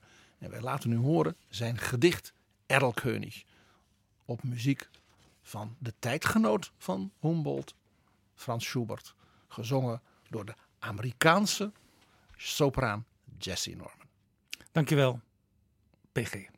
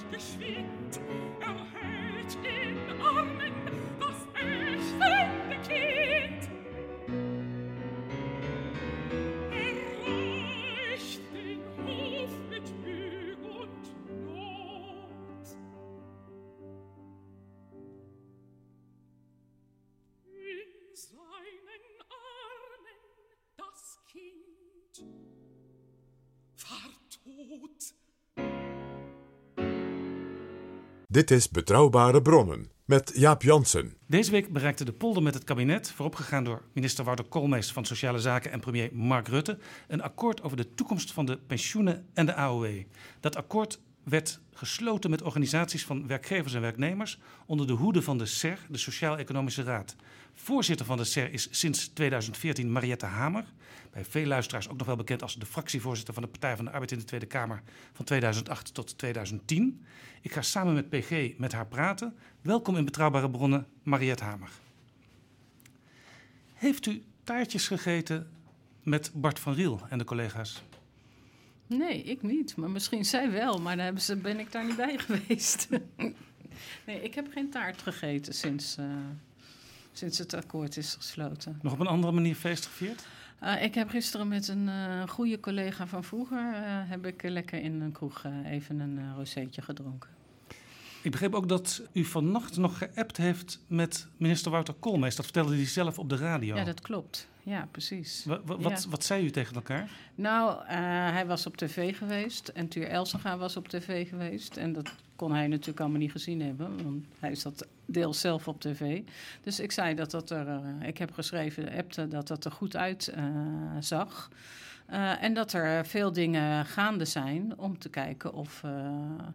Uh, of de FNV natuurlijk uh, de leden gaan stemmen. En dat wat ik gehoord had, en dat vond ik leuk om te horen, omdat wij hier een jongerenplatform hebben, uh, dat ook die jongeren aan het kijken zijn, kunnen we onszelf mobiliseren en meestemmen. Dus dat vond ik leuk om aan hem te vertellen. Is dit een hoogtepunt in uw voorzitterschap? Ja, dat zou, ja ik, vind, ik weet niet, ik vind het woord hoogtepunt niet, dat klinkt er op een of andere manier. Daarvoor is het zo langdurig uh, geweest. Uh, dat, ja, dat vind ik eigenlijk niet helemaal een passend woord. Maar het, ik was wel echt heel erg blij toen uh, we van de week s'nachts bij elkaar zaten. En op een gegeven moment voel je dan dat hè, het ene punt komt binnen, het volgende punt komt binnen. En dan is het totaalpakket daar. Ja, en dan ben je wel echt heel erg blij. Ja. Begrijp ik dat u eigenlijk vindt dat je iets niet mag vieren als je er zo'n 9, 10 jaar over gedaan hebt om tot een akkoord nee, te komen? nou, uh, wij, ik heb er zelf niet 9, 10 jaar over gedaan, zal ik maar zeggen. Ik heb wel overigens in dit dossier heel veel verschillende rollen vervuld. Uh, maar ben daar ook wel periodes niet bij geweest. Maar ik was inderdaad fractievoorzitter toen de eerste de discussie over de AOW losbarstte. Ik ben ook degene geweest die toen uh, tegen toenmalig minister-president Balkenende zei... joh, vraag een advies aan de SER. Uh, daar zijn ze toen niet uitgekomen. Uh, dus uiteindelijk hebben we het met dat kabinet zelf een voorstel gemaakt. Toen viel het kabinet, toen kwam er een nieuw kabinet, Rutte 1. Uh, toen ben ik uh, samen met collega Roos Vermeijden onderhandelaar geweest vanuit de oppositiepartij, de Partij van de Arbeid, in nauwe samenwerking met de FNV. Uh, ik heb staan juichen in de Kamer toen we een wetsvoorstel hadden. Maar toen viel het kabinet weer en toen kwam er een gelegenheidscoalitie die dat wetsvoorstel eigenlijk ja, uit elkaar heeft gehaald. en toen was dat akkoord weer weg. Uh, en toen heb ik me een poosje niet met pensioenen te, uh, bezig gehouden, maar met andere onderwerpen in de Tweede Kamer. En toen kwam ik hier en toen dacht ik, nou ga ik allemaal leuke andere dingen doen. Uh, en toen ontmoette ik Kees Goudzwaard, voorzitter van de commissie pensioenen. En die zei, joh, we hebben net een adviesaanvraag binnen. En toen waren we er weer. Ja, het is mooi dat er een akkoord is nu, maar er zijn ook, ook mensen die denken van ja, waarom moeten ze er altijd zo lang over doen in Nederland, zo'n akkoord? Zo ongeveer tien jaar. Ja, maar uh, ik denk dat als je alle dossiers pakt, uh, dan zijn we met alle dossiers als tien jaar bezig. Als je kijkt naar een onderwerp als het ontslagrecht en je kijkt naar al die wetsvoorstellen en je zet dat achter elkaar, dan zijn we er al veel langer mee bezig. Um, dus het is ook wel een beetje dat we nu over dit onderwerp, als het ware, nou pakken we al die kabinetten en dat plakken we achter elkaar. En dan zeggen we, we zijn er al zo lang mee bezig. Ja, het ontwikkelt zich. Uh, en wij zelf hebben onze eerste adviesaanvraag over dit onderwerp, tweede pijler dan, hè, want de AOW uh, zat daar aanvankelijk niet bij, kreeg ik in 2015. Wij hebben in dat jaar ook nog een advies uitgebracht, hebben vier modellen geschetst, want dat was ons gevraagd. Uh, vervolgens hebben we dat uitgewerkt. Uh, zijn we in 2016 uh, meegekomen. Ja, en daarna werd het ingewikkeld. Er heeft de kabinetsformatie tussen gezeten. Toen lag er weer een ander model. Nou, was het toch ook niet helemaal veel gerekend. want je wil met zo'n nieuw contract, waarbij het pensioenstelsel overgaat, echt weten dat het klopt. En dat het ook uh, langdurig en bestendig Precies. hanteerbaar is. Ja, ja, en dat de uitkomst goed is. Want uiteindelijk, het klinkt allemaal heel abstract. Dat vind ik met dit onderwerp het is heel moeilijk te begrijpen voor mensen. Het gaat over rekenrentes en over doorsnee-systematiek. Maar in die end gaat het er gewoon om. Als je met pensioen gaat, wat heb ik op mijn rekening? Kan ik daar een beetje mee rondkomen? Is dit voor 20, 30, 40 jaar houdbaar, wat er nu ligt? Ja, ik denk als dit goed... Uh, we moeten natuurlijk uh, nog verder uh, de puntjes op de i gezet worden. Maar ik denk dat je met de twee contracten die er nu komen... dat daar zoveel keuzemogelijkheid in zit voor pensioenfondsen... om echt langer mee te kunnen. En dat we dan van deze discussie over hoe moet dat eruit zien... een poosje af zijn. En natuurlijk gaat het zich dan weer ontwikkelen. Maar, want ja de samenleving ontwikkelt zich steeds sneller. Maar te technisch gezien zou je er dan echt een hele poos mee moeten Systemisch kunnen doen. is dit ja. Ja. het fundament waar je zegt, daar kunnen we op verder. Ja, precies. En dat geldt volgens mij ook voor de hele discussie van de AOW. Want dan zou je kunnen zeggen, ja, ook heel lang. Maar goed, in 2008 zo'n beetje, 2009 spreek ik over. Toen hebben we de beslissing genomen, we gaan naar die 67. Die is met dit akkoord niet veranderd. Uh, toen wilden we het langzamer doen. En als je nou kijkt wat er gisteren op tafel ligt, dan is het eigenlijk dat pad wat we ongeveer toen voor ogen hadden. Dus het is versneld geweest. Uh, dat is ingeboekt in tijden van bezuinigingen voor de lange termijn. En dat is eigenlijk nu weer teruggeploegd. Dus het politieke succesje van het kabinet Balken en de Vier dus? Nee, het was eigenlijk het realistische Balken en de Vier traject, uh, ondersteund later in Rutte 1 door de vakbeweging. Uh, wat toch wel achteraf waar blijkt te zijn. Dat als je het sneller doet, dat het gewoon voor mensen niet te doen is. We zagen de afgelopen weken uh, vaak vakbondsleiders op televisie en radio en in de kranten. Uh, de laatste dagen ook veel minister Koolmees. Ja. Uh, wat is nou specifiek uw rol als voorzitter van het SEG? Nou, wij hadden uh, als SER de rol om een advies te maken over de tweede pijler. Dus niet om een advies te maken over de AOW uh, en ook niet over zware beroepen. De tweede pijler gaat over de pensioenen. Ja, ja. want het zijn in feite ook zaken die door werkgevers en werknemers samen worden ja, precies. beheerd. Ja, ja, en uh, de deskundigheid van de Sociaal-Economische Raad, ook met, uh, met de kroonleden, uh, ligt op dat terrein. en de AOW was eigenlijk al geregeld.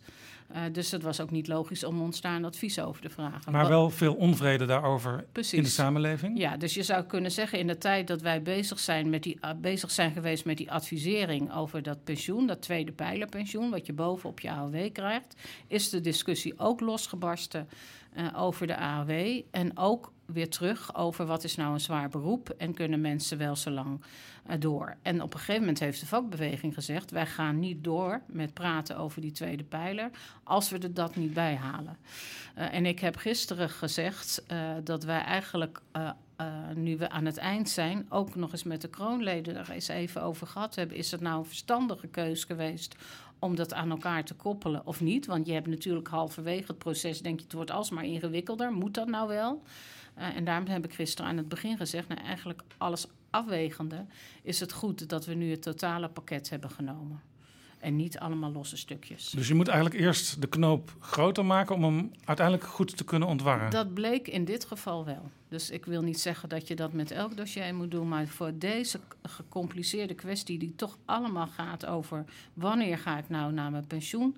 Kan ik dat gezond halen? Waar, welke financiële middelen heb ik nou? Voor welke mensen wil je een uitzondering maken?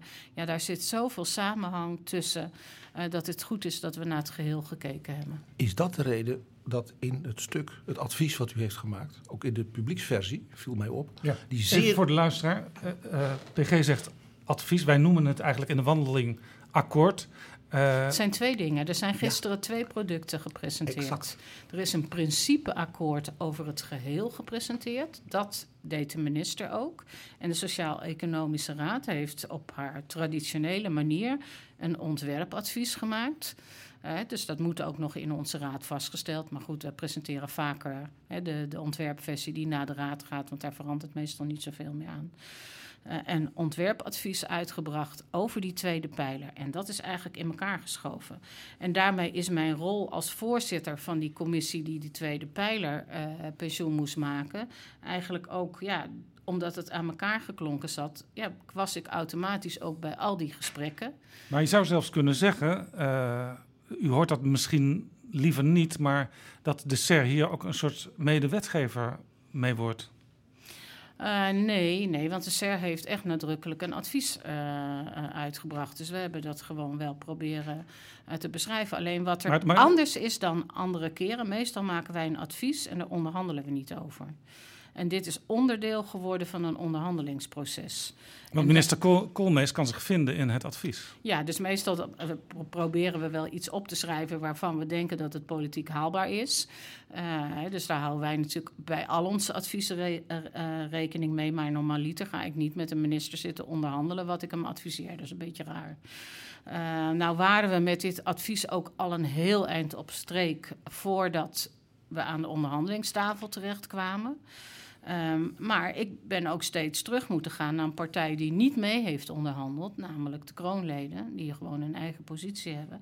Hebben we wel steeds getoetst. Wat we nou, zijn we nou aan het onderhandelen? En is dat ook eh, zeg maar eh, vanuit wetenschappelijke hoek nog eh, verantwoord? Maar dit is een beetje een bijzonder proces geweest. En daarom is mijn eigen rol ook eh, ja, anders dan bij andere trajecten. Omdat ik natuurlijk de hele tijd heb meegelopen en er opeens iemand ja, toch tussen loopt die geen partij is. Ja, nee, vandaar. Of een beetje van iedereen Ja. partij is. De SER is dus al heel lang bij betrokken bij het proces. U noemde zelfs al, zelf al 2015 het, eh, het eerste Ja. eh, toekomstadvies. ja. Vandaar dat ik ook even die naam Bart van Riel noemde, omdat hij Ja. daar toen al bij betrokken Ja, was en nog steeds. eh, ja, ja, maar Bart heeft een waanzinnige rol gespeeld. Ja. Want dat weten mensen niet, maar eh, sommige mensen zijn echt een soort architect op de achtergrond. Hè? Nou, in ieder geval degene die het honderd keer moet opschrijven, elke keer weer een beetje anders tegen wie de- iedereen aan zit te mopperen. Want ja, dat is het lot van mijn mensen hier in dit gebouw. Je doet het nooit goed. Eh, pas als het af is, dan zeggen ze opeens top. Dus hij heeft ongetwijfeld taartjes gegeten eh, afgelopen week. Wat ze noemen de unsung heroes van Den Haag. Ja, precies. Maar goed, dat is ook eh, de kracht van, eh, van de mensen die bij de SER werken. Die kunnen daartegen. 2015, 2017 was de kabinetsformatie. Toen zag ik u ook regelmatig in- en uitlopen in die warme ruimtes eh, waar die heren en enkele dames bij elkaar zaten. Ja, klopt. Ja, dus toen ben ik al eh, eh, langs geweest overigens om over twee dingen te praten. Over wat wij zelf hier eh, zien in al onze adviezen. We hadden in 2016, eh, ik geloof wel een reeks van 19 adviezen of zo uitgebracht. Heel veel.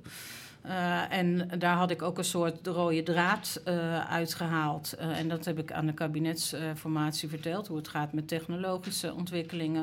Hoe het gaat met leven lang ontwikkelen bijvoorbeeld. wat steeds belangrijker wordt.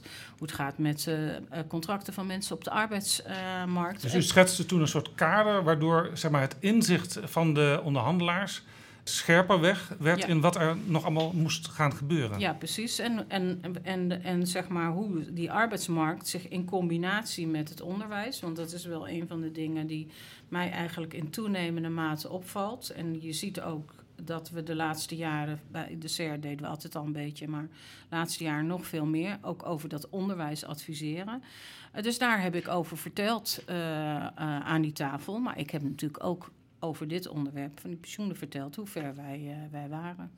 Ja, wat, wat vertelde u toen? Want u, ik stond toen voor BNR Nieuwsradio vaak buiten. En eh, het viel me op dat u heel snel, soms met wat collega's zoals Han Busker van de eh, vakbeweging, Hans de Boer was er soms ook bij, van de werkgevers, vrij snel wegliep, omdat u toch niet al te veel details eh, wilde vertellen. Nee, maar ik heb eigenlijk eh, sowieso de laatste paar jaren kies ik ervoor. Kijk, als ik een advies klaar heb, dan kom ik dat met heel veel enthousiasme vertellen.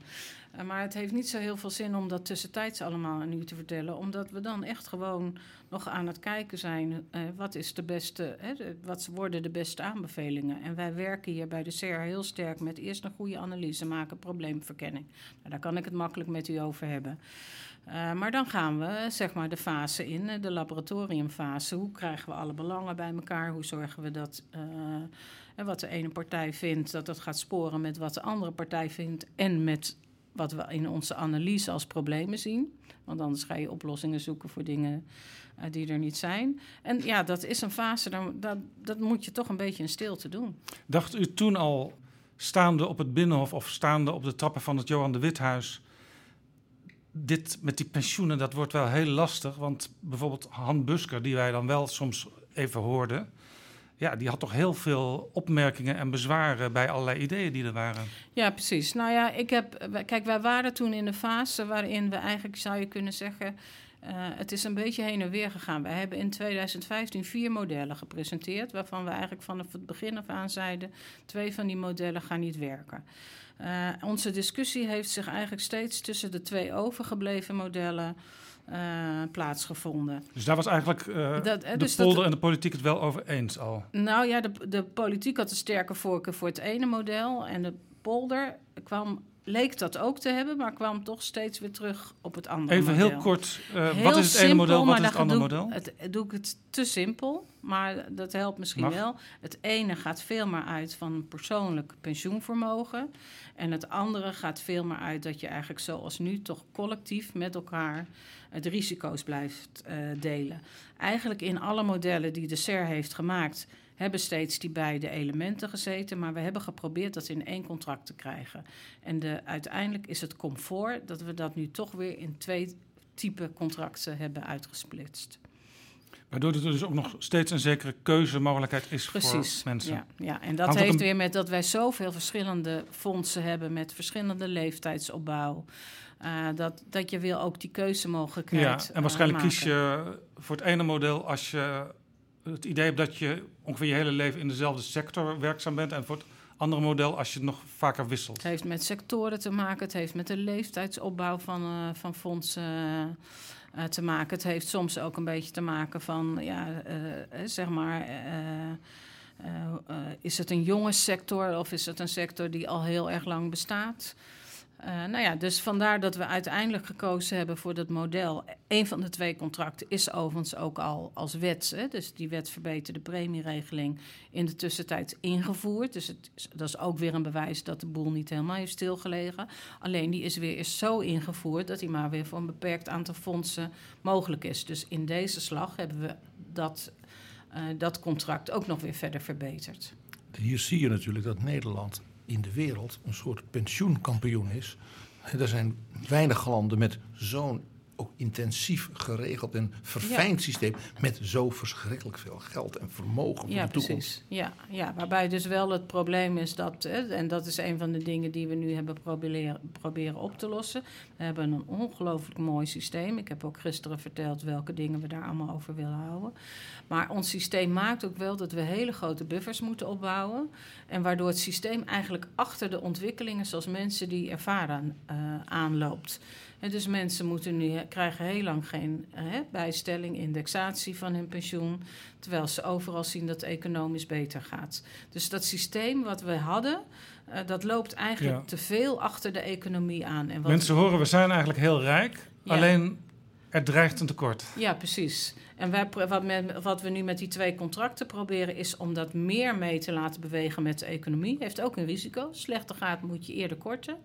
Eh, maar als het goed gaat, krijg je ook eerder eh, rendement erbij.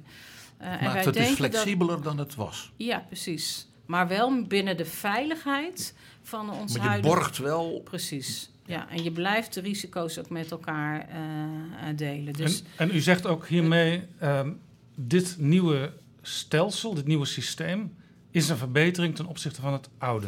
Het, het is, ja, zeker. Omdat de, en dat wil niet zeggen dat het oude niet goed was, maar het oude paste bij de tijd die achter ons ligt. En we hebben iets proberen te maken wat toekomstbestendig is.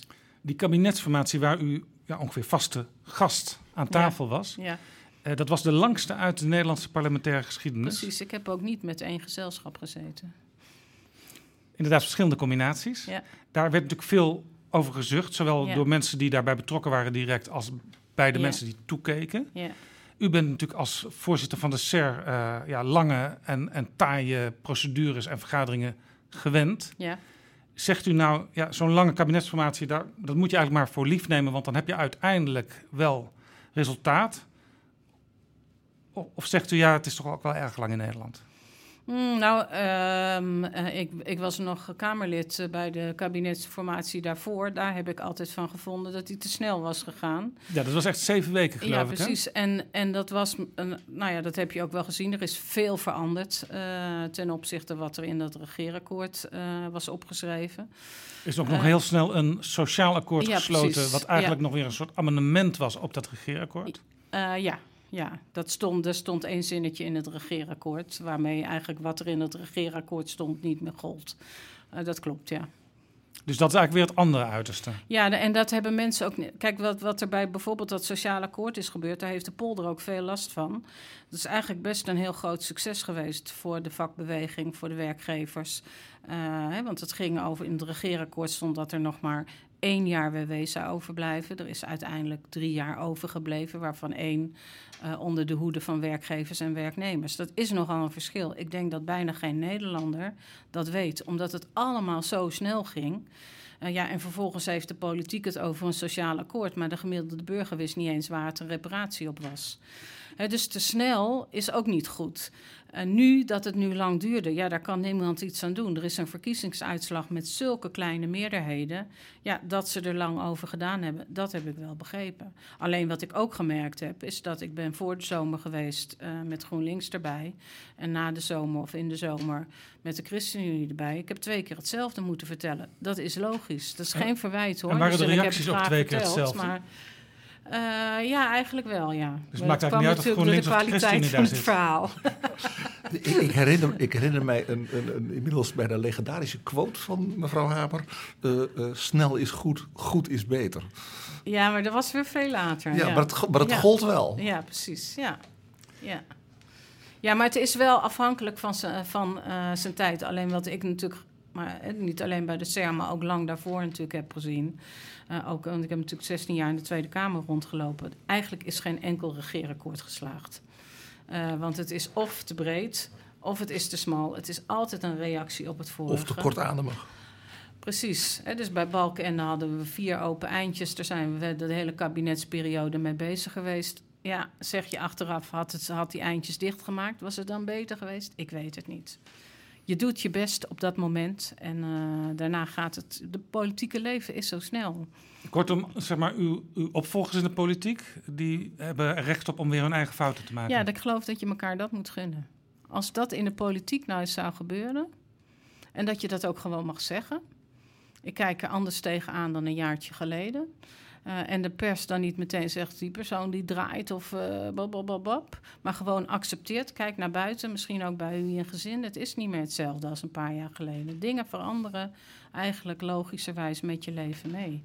Het hoeft geen nederlaag te zijn als je nieuwe inzichten hebt. Nee, precies. Maar, maar je moet ook accepteren dat hè, als je nog niet zo heel lang terug. Toen ik opgroeide, was het idee: je gaat één baan doen, nou, misschien twee. Dat je nog eens een keer carrière maakt. Je hebt één partner.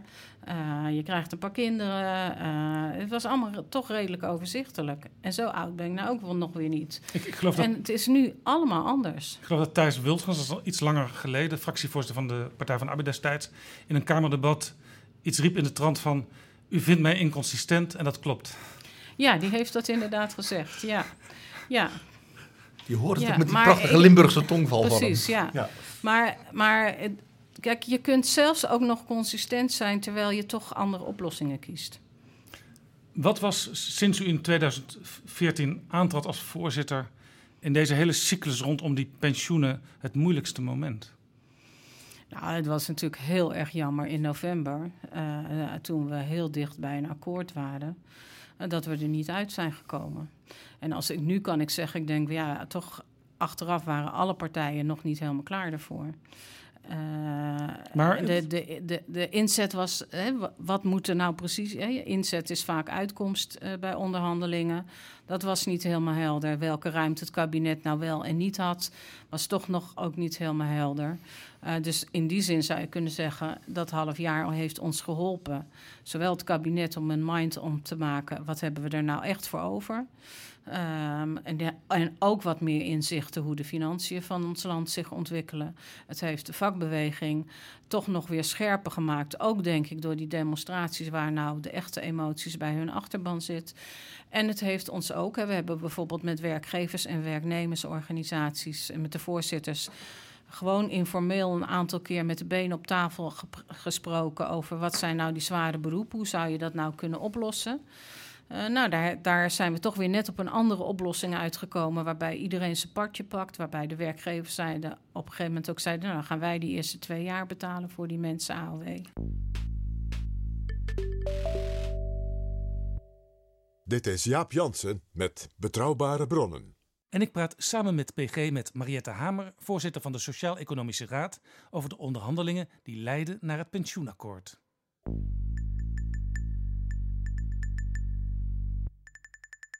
Die, die, die informele gesprekken ook met de benen op tafel, zoals u zegt.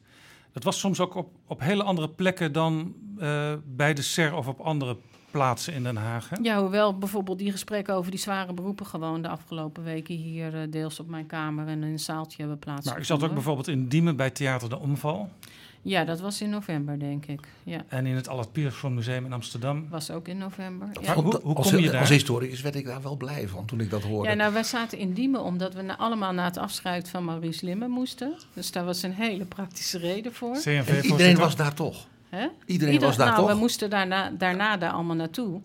Eh, en we zijn daarna ook allemaal naar sociale zaken afgereisd. Maar we wilden eigenlijk allemaal afscheid nemen van Maurice Limmen. Dus, Dus dat is niet zo om paparazzi of journalisten Nee, te nee, dat was echt gewoon praktisch. Dan gaan we een uur daarvoor of twee uur daarvoor gaan we daar zitten. Dan gaan we met z'n allen snel naar Maurice, geven hem een zoen en eh, we gaan weer door. En wat En toen zijn u, we naar Den Haag terug. en wat bracht u naar het Allard Pierson Museum?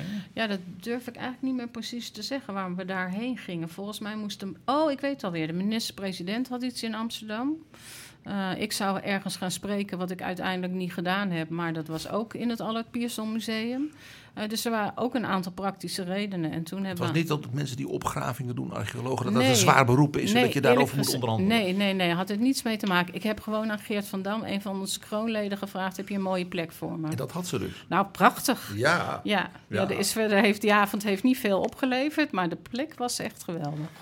U zei net, het moeilijkste moment was eigenlijk in november, toen we er net niet uitkwamen. Ja, Er stond toen een verhaal in de Telegraaf, die hadden, die hadden een concept eh, in handen. En eh, daar stonden vier hoofdpunten, in ieder geval drie van die hoofdpunten, ik heb het vanmorgen nog even nagelezen, die staan eigenlijk nu gewoon letterlijk in de tekst, namelijk eh, één, minder snelle stijging AOW-leeftijd, twee, afschaffing pensioengaranties, drie, afschaffing doorsnee premie. ja, precies. Maar als je het zo zegt, dan is het natuurlijk heel makkelijk. Maar het gaat er natuurlijk over hoe, hoe snel stijgt die AOW-leeftijd. Toen lag er een voorstel, als ik het goed zeg uit mijn hoofd, eh, die bijvoorbeeld eh, volgend jaar uit zou komen op 66,5. Dat is 66,4 geworden. Inmiddels is het 66,4. Volgend jaar is het 66,4. Het jaar van de verkiezing is het 66,4. Daarmee is de eis van de vakbeweging om het een aantal jaren te bevriezen en tijd te nemen om de zware beroepenregeling in te vullen, eh, is gehonoreerd. Eh, dat was toen eigenlijk, die, die, die, dat verband tussen die twee was eigenlijk nog veel minder duidelijk. Eh, dus, dus de doelen die we hadden, die zijn niet zozeer veranderd, maar de invulling daarvan wel. Toen wilde de vakbeweging geen losse eindjes. Er lag een voorstel van het kabinet om de levensverwachting in de volgende formatie aan te passen. Uh, of niet de levensverwachting, maar de, de, uh, hoe lang je moet doorwerken als de levensverwachting stijgt. Dat is nu geconcretiseerd. Het is gewoon een helder voorstel. Het is voortaan jaar langer leven, acht maanden langer werken met z'n allen. Als je als um, polder een jaar of tien over zo'n onderwerp praat, gaat dan ook wel eens twee, drie maanden voorbij dat het helemaal niet ter sprake komt? Mm, dat is wel gebeurd, maar dat is zeg maar denk ik in de periode daar, echt daarvoor geweest. Dus tussen zeg maar 2016 ons uh, tweede advies Uh, nou, dat hebben we toch ook wel weer doorgewerkt. Toen is de formatie gekomen. Ja, soms ligt het dan eens een paar weken stil. Maar niet, niet, niet, het heeft niet een half jaar stilgelegen of zo. Maar, maar je doet wel dingen in verschillende groepjes. Is het eigenlijk niet gek dat onder het vorige kabinet met uh, Lodewijk Asscher, minister van de Partij van de Arbeid, Jetta Kleinsma, staatssecretaris van de Partij ja. van de Arbeid, het toch heel moeizaam ging steeds. En tijdens dit kabinet met een D66-minister lukt het uiteindelijk wel. Nou ja, kijk, eh, als je, als je nou naar die tien jaar teruggaat, zou je kunnen zeggen, onder, onder Balk en de vier is de hele discussie over de verhoging van de AOW-leeftijd begonnen. En hij is daar in die zin beslecht dat dat kabinet voor het eerst heeft gezegd: we gaan naar 67. Ja, u heeft dat toen ook als fractievoorzitter ja, van de Partij van de Arbeid gesteund. Was, ook ja, tegen boze leden van de Partij van de Arbeid in. En boze leden van de FNV. Uh, want die waren er hier met dat CER-advies uh, niet uitgekomen. Uh, toen in het volgende kabinet is de FNV heeft zijn beentje aangeschoven en is daarin meegegaan. Alleen wel met een bepaald pad, dat zei ik net al. Een bepaald tempo. Een flexibele AOW zat er toen uh, in. Eigenlijk een alternatief voor die zware beroepen. Um, ja, en dat is uiteindelijk weer uh, veranderd. uit de tweede pijler is men niet echt gekomen. en dat is nu weer opgepakt. Maar ik denk dat je niet kan zeggen het ene kabinet of het andere kabinet. Ik denk als er nu een minister van PvdA huis had gezeten of van het CDA, hadden we net zo hard ons best uh, gedaan. Het heeft denk ik wel met de flexibiliteit van de persoon te maken. En dat zou ik wel echt als compliment... De persoon Koolmees. Ja, ik vind uh, als je kijkt wat in het regeerakkoord staat... en wat zijn partij hierover heeft gezegd uh, zal ik maar zeggen. Hè? Uh, dan heeft hij zich buitengewoon flexibel opgesteld. En dat is ook heel verstandig. Uh, want hij heeft gewoon gekeken naar welke doelen wil ik uiteindelijk realiseren. En hoe krijg ik daar draagvlak voor. En dan kan je wel op je principes blijven hangen. Maar dan kom je er niet uit met z'n allen. Het is wel grappig, politiek historisch. D66 bij zijn oprichting. En daarna in zijn glorietijd van de Paarse jaren had natuurlijk op de agenda stop met dat gepolder en het gepietenpeuter en dat, dat zuilige gedoe. En daar moeten we van af. Dat moeten we allemaal met plebisciten en zo. En nu zie je dus een D66-minister van Sociale Zaken... Uh, geprezen worden om zijn flexibiliteit in het polderen. Maar u moet toch eens even kijken naar wie mijn voorgangers zijn geweest. Zeker. Er zitten nogal wat D66's bij. En ik heb gevraagd Zeker. aan Alexander Pechtold, omdat ik lang met hem heb gewerkt... Uh, en uh, uh, inhoudelijk veel gevochten, maar ook hem heb meegemaakt toen hij met drie zeteltjes in de Kamer zat. Hè, en dan, ja, dan ontstaat er ook een band, want ik was vice-fractievoorzitter van de PvdA. Ik dacht, joh, dat is ook zielig. Zit je daar met drie zetels, ga je een beetje helpen en dan hou je altijd goed contact. Dus ik had hem gevraagd om daar iets te, over te vertellen uh, op mijn afscheid van de Tweede Kamer. En toen zei hij, ja, verdorie, nou kan ik weer niet tegen die polder zijn, want daar zit Mariette. Dus. ja, Kijk, zo zie je maar weer. Ja. Ja. Het kabinet zat in de laatste fase ook nog een beetje aan te hikken tegen de kosten van bepaalde overgangsmodellen. Toen kwam op een gegeven moment het Centraal Planbureau uh, met een nieuw soort berekeningswijze over de arbeidsparticipatie. Uh, en uit die berekeningswijze bleek, hey, het, het, gaat beter met de arbeidsparticipatie in de nabije toekomst. En dat zou dus geld gaan opleveren. Uh, en er was heel snel zo'n 4 miljard euro per jaar al nodig. Dat zou op die manier beschikbaar komen. Waar komt zo'n zo'n idee vandaan om die berekeningswijze te vernieuwen? Nou, die komt bij uh, de, discussie, neem ik aan, vandaan tussen het CPB en, uh, en het kabinet. Heeft bij ons aan tafel niet zo'n uh, rol gespeeld. De minister heeft ons verteld dat hij nieuwe berekeningen had. maar dat maakt, neemt niet weg dat het kan wel zijn dat je 4 miljard lijkt dat je 4 miljard hebt. Maar de problemen zijn groot. En als u kijkt naar bijvoorbeeld alleen al de adviezen die wij hier de laatste periode hebben uitgebracht Kijk, naar statushouders, daar zeggen we eigenlijk besteedt de samenleving daar te, weinig geld aan om ze direct aan het werk te krijgen. Ik ben net over laaggeletterden wezen praten. Daar heb ik gezegd, er zou een verdubbeling van het budget nodig zijn. Uh, de gemeenten hebben de jeugdzorg op tafel gelegd. Dus je moet met elkaar wel goed afwegen. Dit is een groot vraagstuk, die AOW. Maar er zijn nog een heleboel andere grote vraagstukken. Dat is overigens ook een worsteling voor werkgevers en werknemers van gaan wij dit nu wel vragen? Dat is wat Hans de Boer gisteren ook op de persconferentie zei. Realiseert u zich Nederland wat we hier voor over hebben met elkaar? En terecht, want we hebben er allemaal Met andere woorden ook een soort impliciete waarschuwing. ga niet te veel eisen op andere terreinen, want dat geld is niet zo makkelijk op te hoesten. Nou, meer, nou ik, ik, zo heb ik het niet geduid. Ik heb het meer geduid als zie even met elkaar. Want er worden natuurlijk ook heel veel mensen hebben het gevoel, ja, die overheid die wil mij maar verder uh, over het grensje duwen. Maar volgens mij heeft hij ermee willen zeggen, we hebben hier echt heel veel voor over. En het is gewoon heel veel geld. En we hebben met elkaar die keus gemaakt, dus we vinden het waard. Maar dat, dat je daar even over nadenkt en goed afweegt, willen we dit nu echt? Ja, dat hoort ook wel bij onze verantwoordelijkheid. En dat hoort ook bij de polder. Ik hoor vanuit jongerenorganisaties, en ik spreek nu tegen de oprichter van de LSVB, dat die hebben van ja, en wij betalen de rekening. En ik hoorde iemand anders uit de jongerenorganisaties gisteren spottend zeggen van laten de NATO en Brussel het maar niet horen dat er zo 4 miljard beschikbaar is. Uh, terwijl, dat... terwijl we dus voor bijvoorbeeld onze veiligheid, dat soort investeringen, dan zeggen: ja, nou, daar hebben we geen geld voor. Ja, maar ik denk alleen dat die jongeren, en dat snap ik, want ik moet eerlijk zeggen dat ik uh, uh, ook pas heel laat over mijn pensioen ben gaan nadenken. niet realiseren dat met name bijvoorbeeld dat punt van die levensverwachting, die gaat natuurlijk voor, juist voor jongeren, hè, die nu het gevoel hebben, ik moet misschien wel door tot mijn 79ste. Ja, dat gaat echt uitmaken. Dus voor hun gaat het jaren tellen. Niet voor die mensen die nu 60 zijn. Hè, maar juist, dat, en dat kost het meeste geld. Die acht maanden, dat tikt natuurlijk door. Uh, in, echt in jaren minder met pensioen gaan. Nou ja, dus daar hebben de voorbeelden ook wel van de het week meest logische in de is natuurlijk ook als je beeld ziet dat uh, in de tijd van Willem Drees uh, werd de AOW-leeftijd ingevoerd.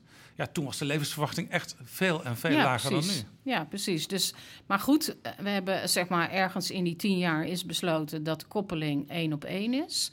Dus een jaar langer leven met z'n allen is een jaar langer werken. En wat we nu hebben gezegd, een jaar langer leven is acht maanden langer werken. Hoe jonger je bent, hoe meer je daarvan gaat profiteren, omdat dat natuurlijk doortelt.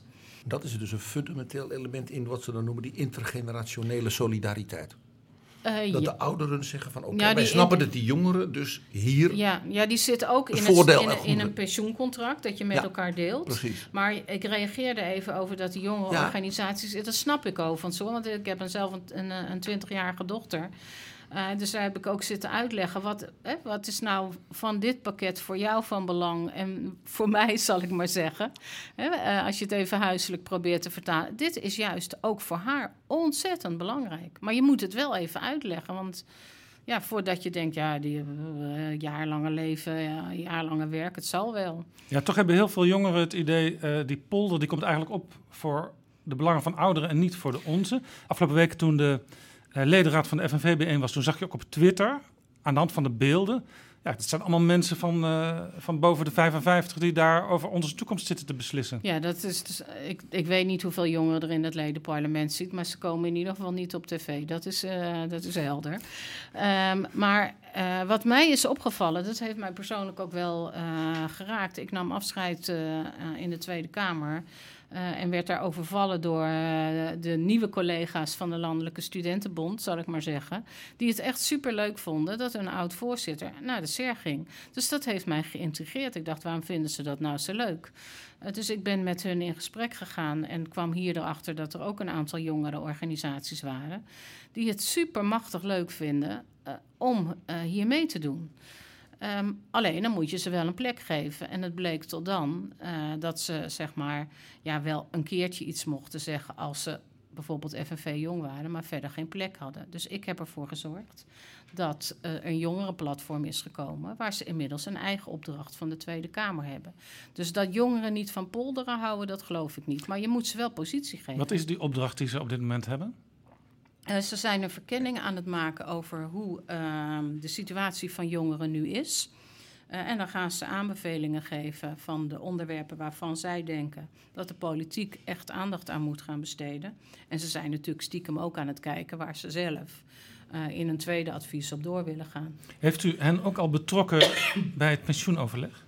Uh, nee, want zij hebben een eigen uh, pensioenlab. Dus daar hadden ze het al met elkaar over. Uh, dus over dit onderwerp hebben wij het nog niet dat begon in dat net jongen... iets te laat, eigenlijk. Ja, daarvoor was het jongerenplatform. Die ik vind dat je nooit twee dingen moet doen. Dus zij hadden al met de jonge organisaties, dat noemen zij het pensioenlab. Eh, dus dat zijn we nu niet over gaan doen. Maar ik kan me wel heel goed voorstellen, nu al deze voorstellen er liggen, eh, dat we die eh, ook met hun eh, gaan bespreken. Je- eh, Jesse Klaver, eh, de leider van GroenLinks, die heeft ook in de SER gezeten hè, als jongerenvertegenwoordiger. Denkt u dat dat bij hem ook helpt om eh, nu makkelijk, rel- relatief makkelijk steun te verlenen aan dit plan? Net als overigens Lodewijk Asscher, die natuurlijk al in de kern van de polder heeft gezeten als minister van Sociale Zaken. Nou, ik denk dat, ehm, eh, dat zij uiteindelijk de plannen beoordelen op, of zij zeg maar de eisen die ze voor zichzelf hadden gesteld terugzien. Zo werkt het in de politiek. Eh, dus daarom hebben ze het volgens mij eh, gesteund. En er zitten natuurlijk een hoop herkenbare lijnen in, in de dingen die de PvdA graag wilde, GroenLinks graag wilde en wat de vakbeweging graag wilde. Ja, nog even over die vakbeweging. Eh, daar komt natuurlijk nog bij de FNV een referendum. En bij het CNV mogen de leden ook nog hun zegje Ja. daarover doen. Wat verwacht u? Kan het toch nog mislopen? Daar moet je altijd rekening mee houden. Het zou ook heel, heel raar zijn en bijna arrogant als ik zou zeggen: ja, al die leden gaan wel voorstemmen. Ik denk wel dat het een, echt een goed voorstel is. eh, en dat je heel goed moet afwegen. En dat lijkt me best lastig als je daar zo achter een eh, papiertje thuis zit. Van wat als, het, als, als je nee zegt? En wat betekent dat dan voor, je, voor jezelf? Want het betekent langer doorwerken voor de meeste mensen. betekent ook dat andere mensen eh, langer moeten doorwerken. Eh, maar goed, ik snap ook wel dat er nog echt veel voorlichting nodig is. Want een deel is heel technisch en een deel is lastig te begrijpen. En een deel is ook nog niet ingevuld. Nee, maar dat, dat is denk ik. Kijk, de contouren, hoe het gaat worden, dat is helder. Eh, dus de techniek is nog niet ingevuld, op, op niet, op niet alle punten Nee, ingevuld. maar ik bedoel, maar als je maar wat eruit moet komen, dat als is je helder. zeg maar, ergens rond de 50 bent, eh, ja, dan zit je in een soort overgangsfase en die moet wel gedekt gaan worden. En hoe dat Ja, precies, precies. gebeurt, weten we nog nee, niet. maar er is wel heel nadrukkelijk ge- eh, gezegd, en dat heb ik gisteren nog eens herhaald, eh, ook in mijn eigen toelichting, dat de mensen gecompenseerd gaan worden en dat het een gezamenlijke verantwoordelijkheid is van de sociale partners, de pensioenfondsen en de overheid. En daarmee heeft het kabinet zich dus mede verantwoordelijk gemaakt dat het goed komt. Ja, en u doet eigenlijk een oproep aan de mensen die nog hun, eh, hun stem moeten uitbrengen. Kijk goed naar wat we hebben afgesproken. Ja. Eh, desnoods leg ik het eh, nog één, twee, drie keer uit. Maar dit is echt een goed voorstel. Ja, ik denk dat het echt een goed voorstel is. Ja. Bent u lid van de FNV? Nee, ik ben nergens lid van, want ik ben voorzitter van eh, de CER en dan ben je onpartijdig. Partij van de Arbeid toch wel? Ja, daar ben ik nog steeds lid van, ja. Nemen we u niet kwalijk.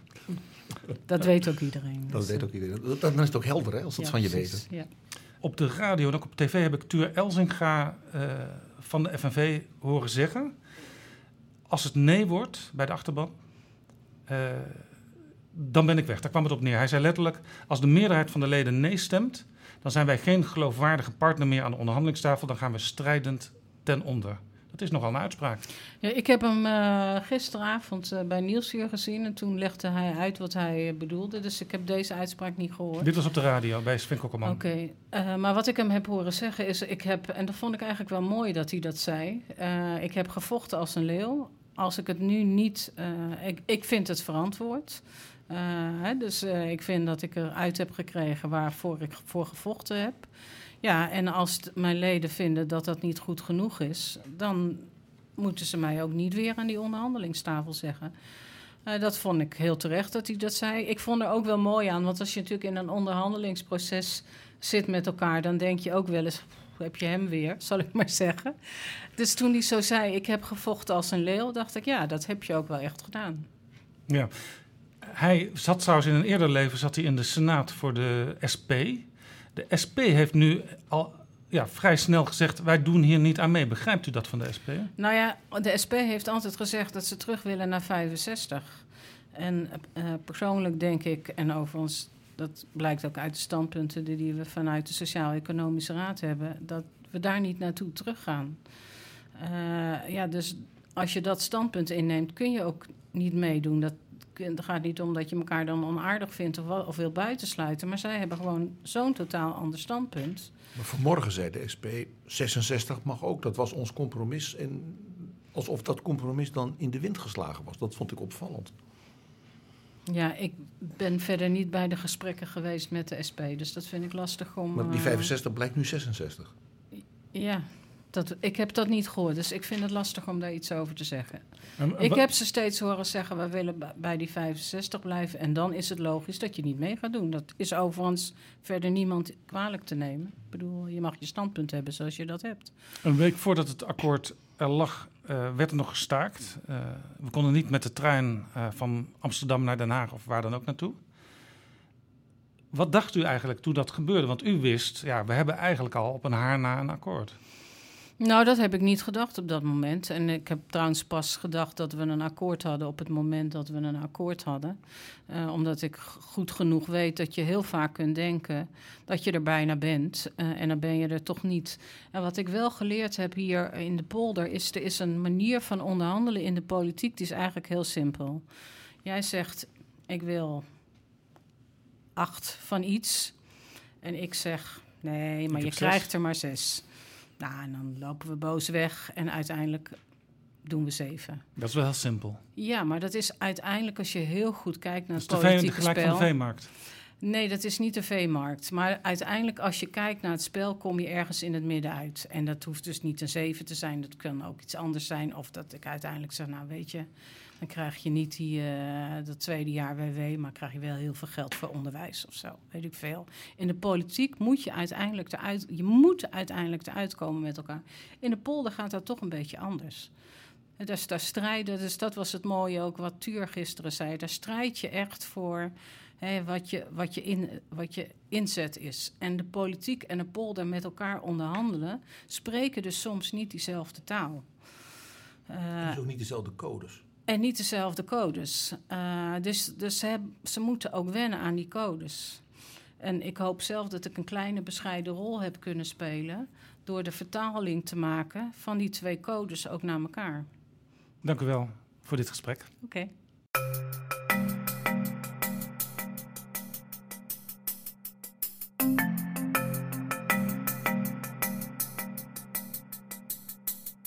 Zo, dit was Betrouwbare Bronnen, aflevering 40. Tot slot wil ik graag nog even Mark Beekhuis feliciteren. PG en ik streden met hem de afgelopen weken om de Dutch Podcast Award in de categorie Nieuws en Politiek. Donderdagavond 6 juni werd de winnaar bekend.